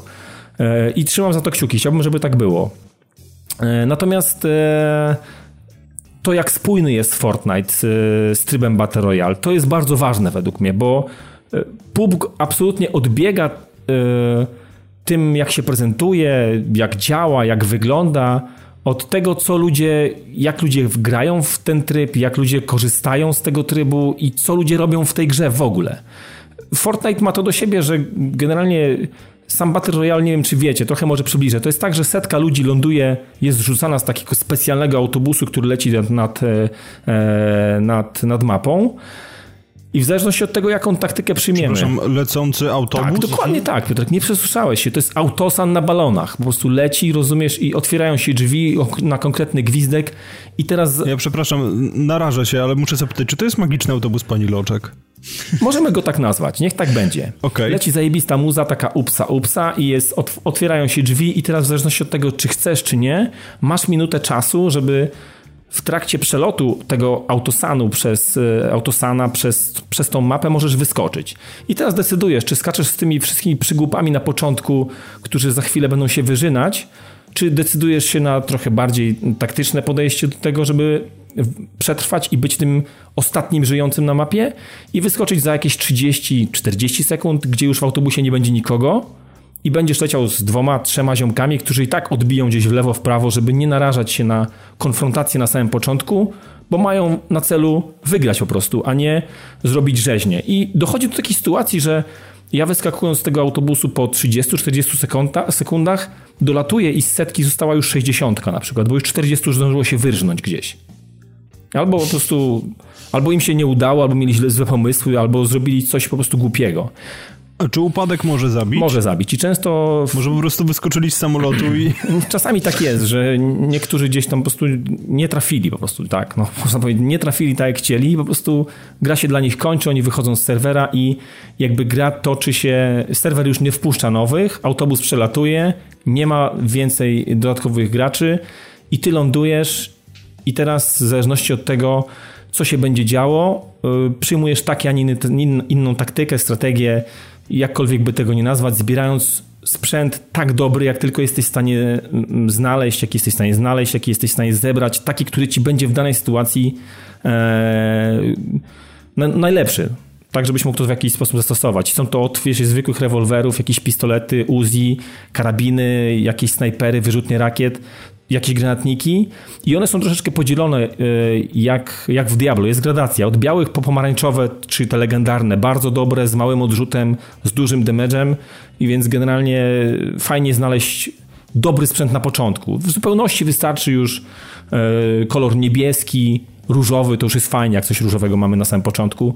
Mm, no i tak naprawdę musimy się teraz skupić na tym, żeby przemierzając, przemierzając części, tak mi się wydaje, dosyć rozległej mapy, bo ta mapa jest dosyć spora, gra po dwóch minutach od kiedy wylądujemy mówi nam, że przychodzi burza. I spora część mapy będzie niedostępna i będziemy, dostaniemy informację o tym, że w konkretnym kole na mapie zostanie narysowane kółko, e, będzie można przetrwać, tylko i wyłącznie. Więc y, mamy określoną ilość czasu, żeby tam do, dotrzeć oczywiście inni będą próbowali zrobić to samo, więc musimy docierać w to miejsce na tyle ostrożnie, na tyle rozważnie obserwując e, to, co się dzieje, jak ludzie biegają i wyliczyć też sobie to, w jakim miejscu, z jakiego miejsca leciał autobus i skąd mogą najprawdopodobniej nadbiegać, żeby po prostu starać się unikać maksymalnie konfrontacji. No chyba, że mamy jakąś miażdżącą przewagę w konkretnym, w konkretnym momencie i możemy takiego kosia, kolesia na przykład odpalić automatycznie i zabrać jego zabawki, które miał przy sobie. Jakieś bandaże, apteczki, to co się nam może w każdej chwili przydać, jakiego, jakąś tarczę, e, bo mamy pasek życia i pasek jakby takiej, takiego shielda klasycznego, jakiejś kamizelki kuloodpornej. No i generalnie to koło, w zależności od tego, jak ucieka czas i jak giną pozostali gracze, zaczyna się coraz bardziej zawężać i pojawiać się w części poprzedniego koła, natomiast ma mniejszą średnicę. I tak jest praktycznie do samego końca. I wyobraźcie sobie, że jeszcze jak dotrwamy do pierwszej pięćdziesiątki, gdzie naj, najczęściej zdarza się tak, że jeżeli gramy z głową rozmyślnie, nikogo nie zabijamy. Ja często jest ta, u mnie często jest tak, że ja kończę w pierwszej dziesiątce, zabijając na przykład jednego gracza tylko. Tutaj się nie liczą ilości zabitych ludzi, tylko ten, który wytrwa, ten, który wytrzyma do samego końca i będzie po prostu tym jedynym żyjącym po prostu na mapie, może być z jednym killem. Zabił tego po prostu przedostatniego i, i, i po prostu w jakiś sposób wygrał. Tutaj nie liczą się umiejętności zabijania. Oczywiście one są przydatne i, i, i, warto je posiadać, bo, bo zdarza się często tak, że to kółko jest na tyle małe i zostało, nie wiem, 10, 15, 20, jak już jest 30, jesteśmy w pierwszej 30, to już trzeba mieć oczy dookoła głowy, bo koło jest na tyle małe i teren czasami jest tak niesprzyjający, że trzeba dokładnie obserwować to, co się dzieje i przede wszystkim grać w słuchawkach i nasłuchiwać tego, y, co się dzieje, jak, gdzie, gdzie, gdzie padają strzały, gdzie ktoś chodzi, gdzie coś się buduje, gdzie coś, coś zostało w jakiś sposób zburzone i tak dalej. To automatycznie bardzo mocno e, pomaga nam przetrwać grać, granie na słuchawkach. No, granie z głośników telewizora czy z jakiegokolwiek systemu audio tutaj, tutaj będzie działać na naszą niekorzyść. Więc generalnie e, Podsumowując, no tryb Battle Royale w Fortnite po prostu jest spójny z tym, jak gra się prezentuje, bo gra, gra ma fajny, fantastyczny, taki komiksowy, yy, komiksową kreskę yy, i, i, przede wszystkim jest ładna i dobrze działa już teraz, będąc w zamkniętej becie. Yy, a do tego tryb Battle Royale, mimo że wydaje się być ubogi w stosunku do PUBG'a, bo nie ma pojazdów, jeszcze nie ma pojazdów, zostały zapowiedziane pojazdy i najprawdopodobniej się pojawią. Nie ma wielu tych bajerów, które w tej chwili PUB ma, natomiast przez to, że jest spójne, jest y, nie widać rzeczy, które nam w jakiś sposób odjeżdżają. Nikt tu nie biega w jakichś bandamach, nikt nie biega ze złotymi zębami, nikt nie ma tatuaża e, motocyklisty na plecach, czy jakichś innych takich dziwnych rzeczy. Tutaj każda postać wygląda, mamy do, gra, gra nam mm, trafiając na serwer generuje jedną z sześciu postaci nam daje. Losowo. Są to trzy postacie damskie i trzy postacie męskie. Dodatkowo wybór kolor skóry też jest e, od białego do ciemnego, więc tutaj każdy będzie zadowolony. Oczywiście jest to wybór losowy, nie mam na to wpływu. Najfajniej się gra oczywiście postaciami kobiecymi, bo są cienkie, chude, niskie, bardzo trudno trafić, więc e, no tak zostało. Akurat tak to, tak, ja to tak odbieram, że kobietami się w tej grze gra lepiej, bo ciężko je trafić, bo są zgrabniejsze niż takie muskularne jakieś tam, wiesz, Arna bo facetami jak się biega to są takie Arnoldy z reguły, więc mają dużą klatę, szerokie No dobra, jaka jest różnica, jeżeli chodzi o sam gameplay w zależności od tego, co zostanie ci przydzielone, czy co wybierzesz? Y, jeżeli chodzi o postać, która ci zostanie przydzielona, to tak jak powiedziałem, no to różnice w, w jakby w gabarytach samej postaci. Natomiast to nie jest tak, że... No tak, okej, okay, gabaryty, ale jeżeli chodzi o skille? Nie, nie ma skilli. Tutaj w tej grze nie ma skillów. Czy inaczej, okej, okay, o możliwość posługiwania się bronią i tak dalej, nie, czy nie jest tak, nie. że jakiś koks będzie szybciej nie. biegał, bo jest bardziej dowolony? nie, każda postać jest dokładnie tak samo. Ona nie ma żadnych atrybutów. Kompletnie żadnych. Każda ma w plecaku 5 slotów, e, plus do tego masz 4 sloty do budowania różnych e, budynków, czyli możesz budować jakieś mury i piąty slot na pułapki, które gdzieś się uda znaleźć, czyli nie wiem, podłogę z kolcami, czy jakieś y, cewki z prądem, które jak ktoś wejdzie do budynku, to zostanie ktoś zabity tym, tym prądem i tak dalej. Więc mamy 5 e, slotów na broń, i tą broń w zależności od tego możemy sobie wymieniać. Możemy mieć na przykład, nie wiem, dwie bronie, tylko te, które nam są potrzebne. Na przykład coś na krótki, coś na długi, na przykład jakąś snajperkę plus jakiś shotgun. Na trzecim slocie na przykład jakieś bandaże i z pozostałych dwóch slotów nie korzystamy, bo przerzucanie się po pięciu slotach trwa czasami dłużej niż pomiędzy tymi trzema, które nam są najbardziej potrzebne, więc y, dostęp do tych trzech rzeczy bo to działa na takim, jak, jak kółko, wiesz, jak wciskasz Y, to przelatujesz na drugi, na trzeci, na czwarty, na piąty.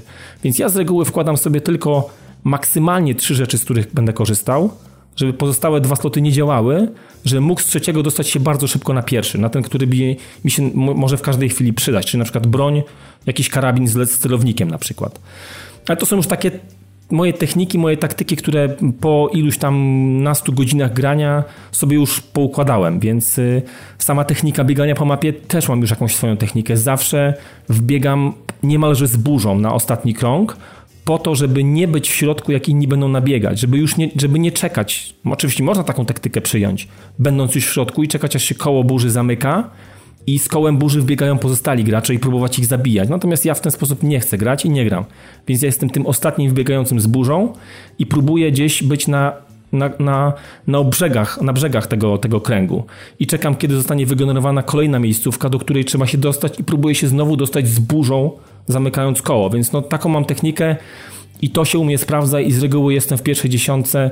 Nawet ostatnio byłem drugi, więc byłem przedostatnim na, ze 100 graczy, którzy wylądowali na mapie. Więc no, Gra wymaga sporego według mnie ogrania, yy, przemyślanej techniki, przemyślanych taktyk, dostosowania się do tego, w jakim terenie będziemy musieli walczyć, bo burza jest losowo generowana w różnych terenach tej mapy, a ta mapa jest olbrzymia. Mogą być bagna, mogą być drzewa, może być jakiś teren industrialny, może, mogą być jakieś e, budynki, może to być jakaś stacja paliw z jakimś parkingiem, więc teren dosyć otwarty, gdzie ciężko się pochować i tak dalej. Więc za każdym razem ta końcówka, gdzie trafiamy do tej pierwszej dziesiątki, no jest niepowtarzalne to.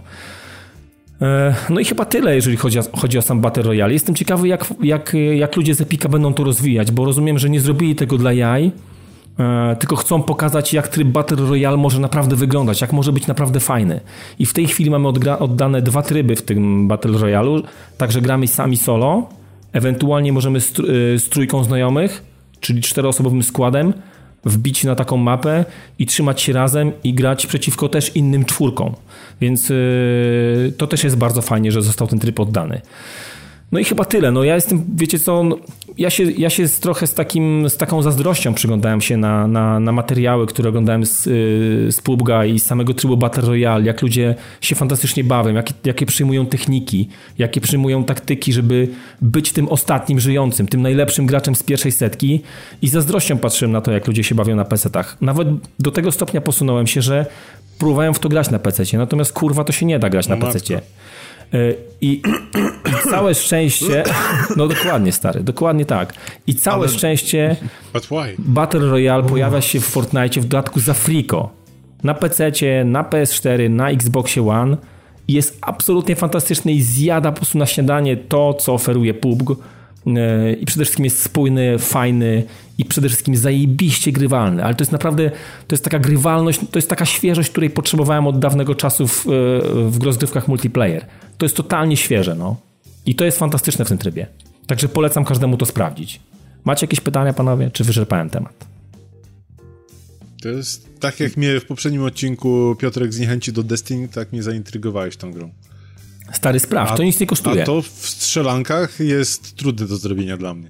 To nic nie kosztuje i, i, i, i dajcie grze, grze szansę, bo naprawdę... Mm, początki będą pewnie trudne, bo myślę, że to, co powiedziałem, może w jakiś sposób wam pomóc i, i, i, troszeczkę łatwiej wam wejść, bo ja się tego sam nauczyłem wszystkiego po, po, kilkunastu godzinach, po, po wielu, wielu, wielu rundach. Czasami jest tak, że trafiałem na serwer i za trzy minuty już byłem trupem. I byłem na 80 którymś miejscu albo 70, bo po prostu coś źle zrobiłem, po prostu źle sobie zaplanowałem to, jak będę teraz y, sobie grał. Ale ale coraz częściej jest tak, że jestem w pierwszej dziesiątce, w pierwszej dwudziestce, więc coraz częściej podejmuję takie, a nie inne decyzje, że mm, niekoniecznie zabijając, to, jest, to trzeba pamiętać o tym, że tutaj zabijanie, tutaj nie liczą się fragi, absolutnie nie. Oczywiście, jeżeli możemy i jest to bezpieczny frag, to zróbmy to, oczywiście, zabierzmy jego zabawki, pójdźmy z nimi dalej, bo wiadomo, że ci gracze, którzy zostają na samym końcu, mają najlepsze graty. Oni pozabierali od poprzedników, którzy też mieli skądś, tamci też mieli skądś, więc ten, ten 100 z 10, 15, 20 graczy na samym końcu ma już zabrawki z naprawdę z najwyższej poły. Więc każdy kolejny frag jest gwarancją niemalże stuprocentową, że będzie jeszcze lepsze zabawki od niego weźmiemy i pójdziemy sobie na kolejnych z lepszy, jeszcze z lepszymi gratami, więc każdy kolejny kill później już procentuje naprawdę i jest kuszący, żeby go zrobić, bo wiadomo, że on musi coś mieć fajnego. Już musi, jak, jak dotarł do tej pierwszej dziesiątki, to musi mieć zajebiste graty i na pewno jeszcze sobie ma. Więc no, sam, fantastyczny tryb dla mnie. No, ja jestem naprawdę mile zaskoczony i zafascynowany tym, jak, jak Battle Royale jest fajnym trybem. No, no dobrze. Jaram się, no maksymalnie się jaram tym trybem. To jest naprawdę dobre. A ty powiedz, grasz na X pewnie. Oczywiście. Ale też mam na PS4, no sprawdziłem to... na PS4 i na PS4 też bardzo mhm. ładnie działa. Aha, no to dobrze, no bo Paweł podejrzewam, że ty jak coś byś grał na PS4. Tak jest to ewentualnie jakoś się tam spikniemy. Bawcie się, naprawdę. Dobra, ale myślę, że Myślę, że temat tak czy inaczej został już wyczerpany, więc dziękujemy za to, że pomimo twojego chorego gardła powiedziałeś tak dużo. Starałem się. I teraz na sam koniec zostają nam jeszcze premiery i muszę wam powiedzieć, że patrzę na kalendarz nie wierzę, ponieważ w tym tygodniu... Nie ma nic. W zasadzie na przestrzeni najbliższych trzech dni jest 18 premier. O matko no, bosko, no, częstochowsko. A i tak nie wymienisz o najważniejszej się... grze, także ja dopowiem po tym, jak ty skończysz. Okej, okay, dobra, to ty dopowiesz. W każdym razie um, są takie ciekawe rzeczy, jak na przykład Batman The Telltale Series The Enemy Within, ale to są Androidy i iOSy. Będzie Battle Chasers Night War, które nie mam żadnego pojęcia czym jest. Będzie Dragon's Dogma Dark Arisen, które jest remasterem, o ile się nie mylę. Jutro startuje Forza Motorsport 3. Aha, no tak, tak. Jutro startuje Forza Motorsport 7. Nieważne, ja w ogóle jakoś tutaj załamuję czasoprzestrzeń. Jutro startuje także na Androidzie Thimbleweed Park. A to, to, to, to, to, to było to? dobre. To, to, to, to zebrało bardzo fajne oceny. To jest taki e, fajna, fajna jakaś taka story, story pixelowa, taka niezła. Też będzie na Switchu. Też będzie. Jest okay. szansa. E, patrzę, że na Switchu się pojawi coś, nazywa się Volgar the Viking, to może o to ci chodzi, Grałem Pawle? w to na Xie. Nudne, ale, ale ciekawe. na pudełko. Nudne, ale to jest tytuł odcinka. Tak, to, to było nudne, ale, ale na początku było ciekawe, a potem już było nudne, no. Dobrze, i 6 października startują jeszcze takie rzeczy jak nowy Lighton, który ma przedługi tytuł, ale niech będzie Lighton's Mystery Journey, Cut Real and the Millionaire's Conspiracy. What? No. Welcome to Jamaica and have a nice day, kurwa. Mniej więcej oraz jeszcze 6 października na 3DS-a również startuje Mario and Luigi Superstar Saga plus Bowser Minions.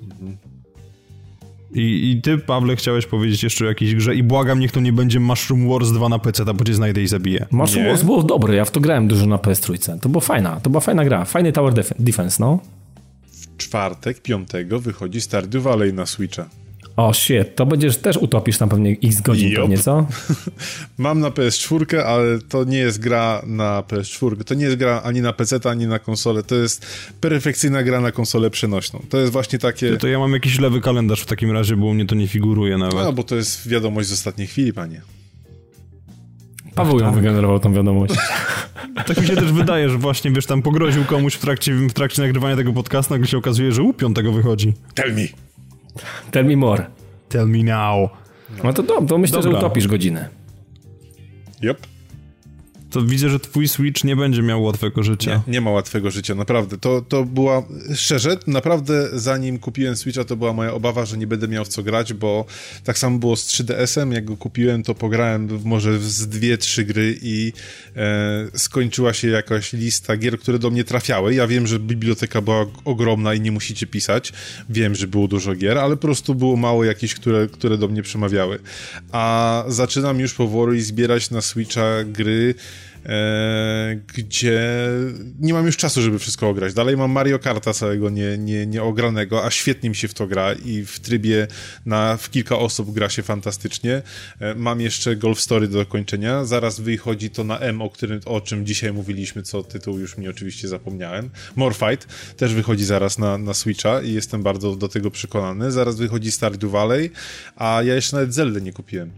I kurlików Panie. nie kupiłem, a to no, będzie masa grania. Jest super, masa, masa grania. U nas kurliki ogrywa Tomek, pewnie na następnym odcinku już coś powie. To jest gra, która mnie strasznie ciekawi. Naprawdę, to jest, to jest no dla mnie to strzał dziesiątkę. I to, to mi się właśnie podoba w Switchu, że. Bo mi w Switchu nie zależy na tym, żeby, żeby wychodziły te najbardziej komercyjne gry, bo ja dalej wychodzę z założenia i coraz bliżej jest mojego planu, że w przyszłym roku, czyli 2018, ja zostanę z, ze Switchem i prawdopodobnie z PC-tem. I to mi wystarczy do absolutnie wszystkiego. Tylko proszę cię, na PC Paweł, zrób to dla mnie. Nie graj w pubka, graj w Fortnite'a na konsoli, jak człowiek. A nie, no to wiesz, konsolę i tak sobie zostawię, ale coś czuję, że po prostu głównie będę grał e, na, na, na PC, bo tam będzie Forza e, i na Switchu, gdzie będzie cała reszta. Słuchaj, ja się z tobą jakoś mogę dogadać, bo będę miał Xboxa One na sprzedaż. Ja, ja też. Ja już swojego sprzedałem. Ja byłem pierwszy. Ale mój, mój białas na pewno pójdzie i to szybciej niż twój. Ale nie, bo ja mam dyskę z SHD. No ale wiesz, ale takiego białasa jak ja mam, to nie ma nikt, no. No ja miałem niebieskiego. Czarny, nie, chciałem coś powiedzieć, ale to było zbyt rasistowskie, więc nieważne. Mojego białego z, z, z bólem serca, ale oddam w dobre ręce. Na początku listopada. Możecie się zgłaszać już teraz. Siódmego dokładnie. Tak, możecie zgłaszać się już teraz. Będzie autograf. Tak. Mogę nawet z autografem. Uuu. To podbija wartość, wiesz, o 250 zł co najmniej. No, I z zewnętrznym zasilaczem. Dobra. No, słuchaj, ja swego czasu wbiłem się na stronę główną, jeszcze to było bardzo, bardzo dawno temu, jak jeszcze gram.pl stanowiło pewnego rodzaju potęgę. Ja pamiętam, że się wbiłem na stronę główną tego portalu z moim gram site'em to się nazywało. Tak, tak, było coś takiego. Tak, ponieważ zrobiłem artykuł o nietypowych zastosowaniach Xboxa 360 po tym, jak mój trzeci chyba się zepsuł i stwierdziłem, że może być doskonałą podstawką na olej w kuchni na wysuniętej tatce, a zasilacz był tak kurewsko ciężki, że mógł spokojnie służyć jako cegła do samoobrony albo przycisk do ubrań i wydaje mi się, że 360, że Xbox One realizuje tą samą politykę, To więc ty napisałeś jakby... to? Ja to pamiętam. No, Czytałeś to, Paweł? No, A widzisz, poważnie? świat jest, świat jest mały, no. Świat jest straszny. Jezu mały. Chryste, muszę, muszę usunąć ten wpis szybko, bo jeszcze teraz ktoś do tego dokopie Masakra. i... Nawet w Niemczech o tym było. Co? No wiesz, ja, A no tak, bo ty w Niemczech... no, ja ze dobra, jestem, nieważne. no.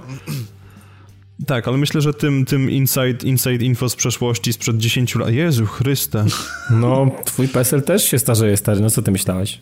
no. Wtedy, Muszę się napić. Koń, kończmy Nic ten nie jest podcast, wieczne. bo to... no. Dobrze, że jeszcze mi trochę ginu zostało. Dobrze, e, specjalnym gościem w tym odcinku, 252 odcinku podcastu był drugi raz z rzędu zresztą Paweł Płocharski. Pawle, dziękujemy ci za udział, może, może wpadniesz też za tydzień. Ja bardzo chętnie. Mogę być też prowadzący.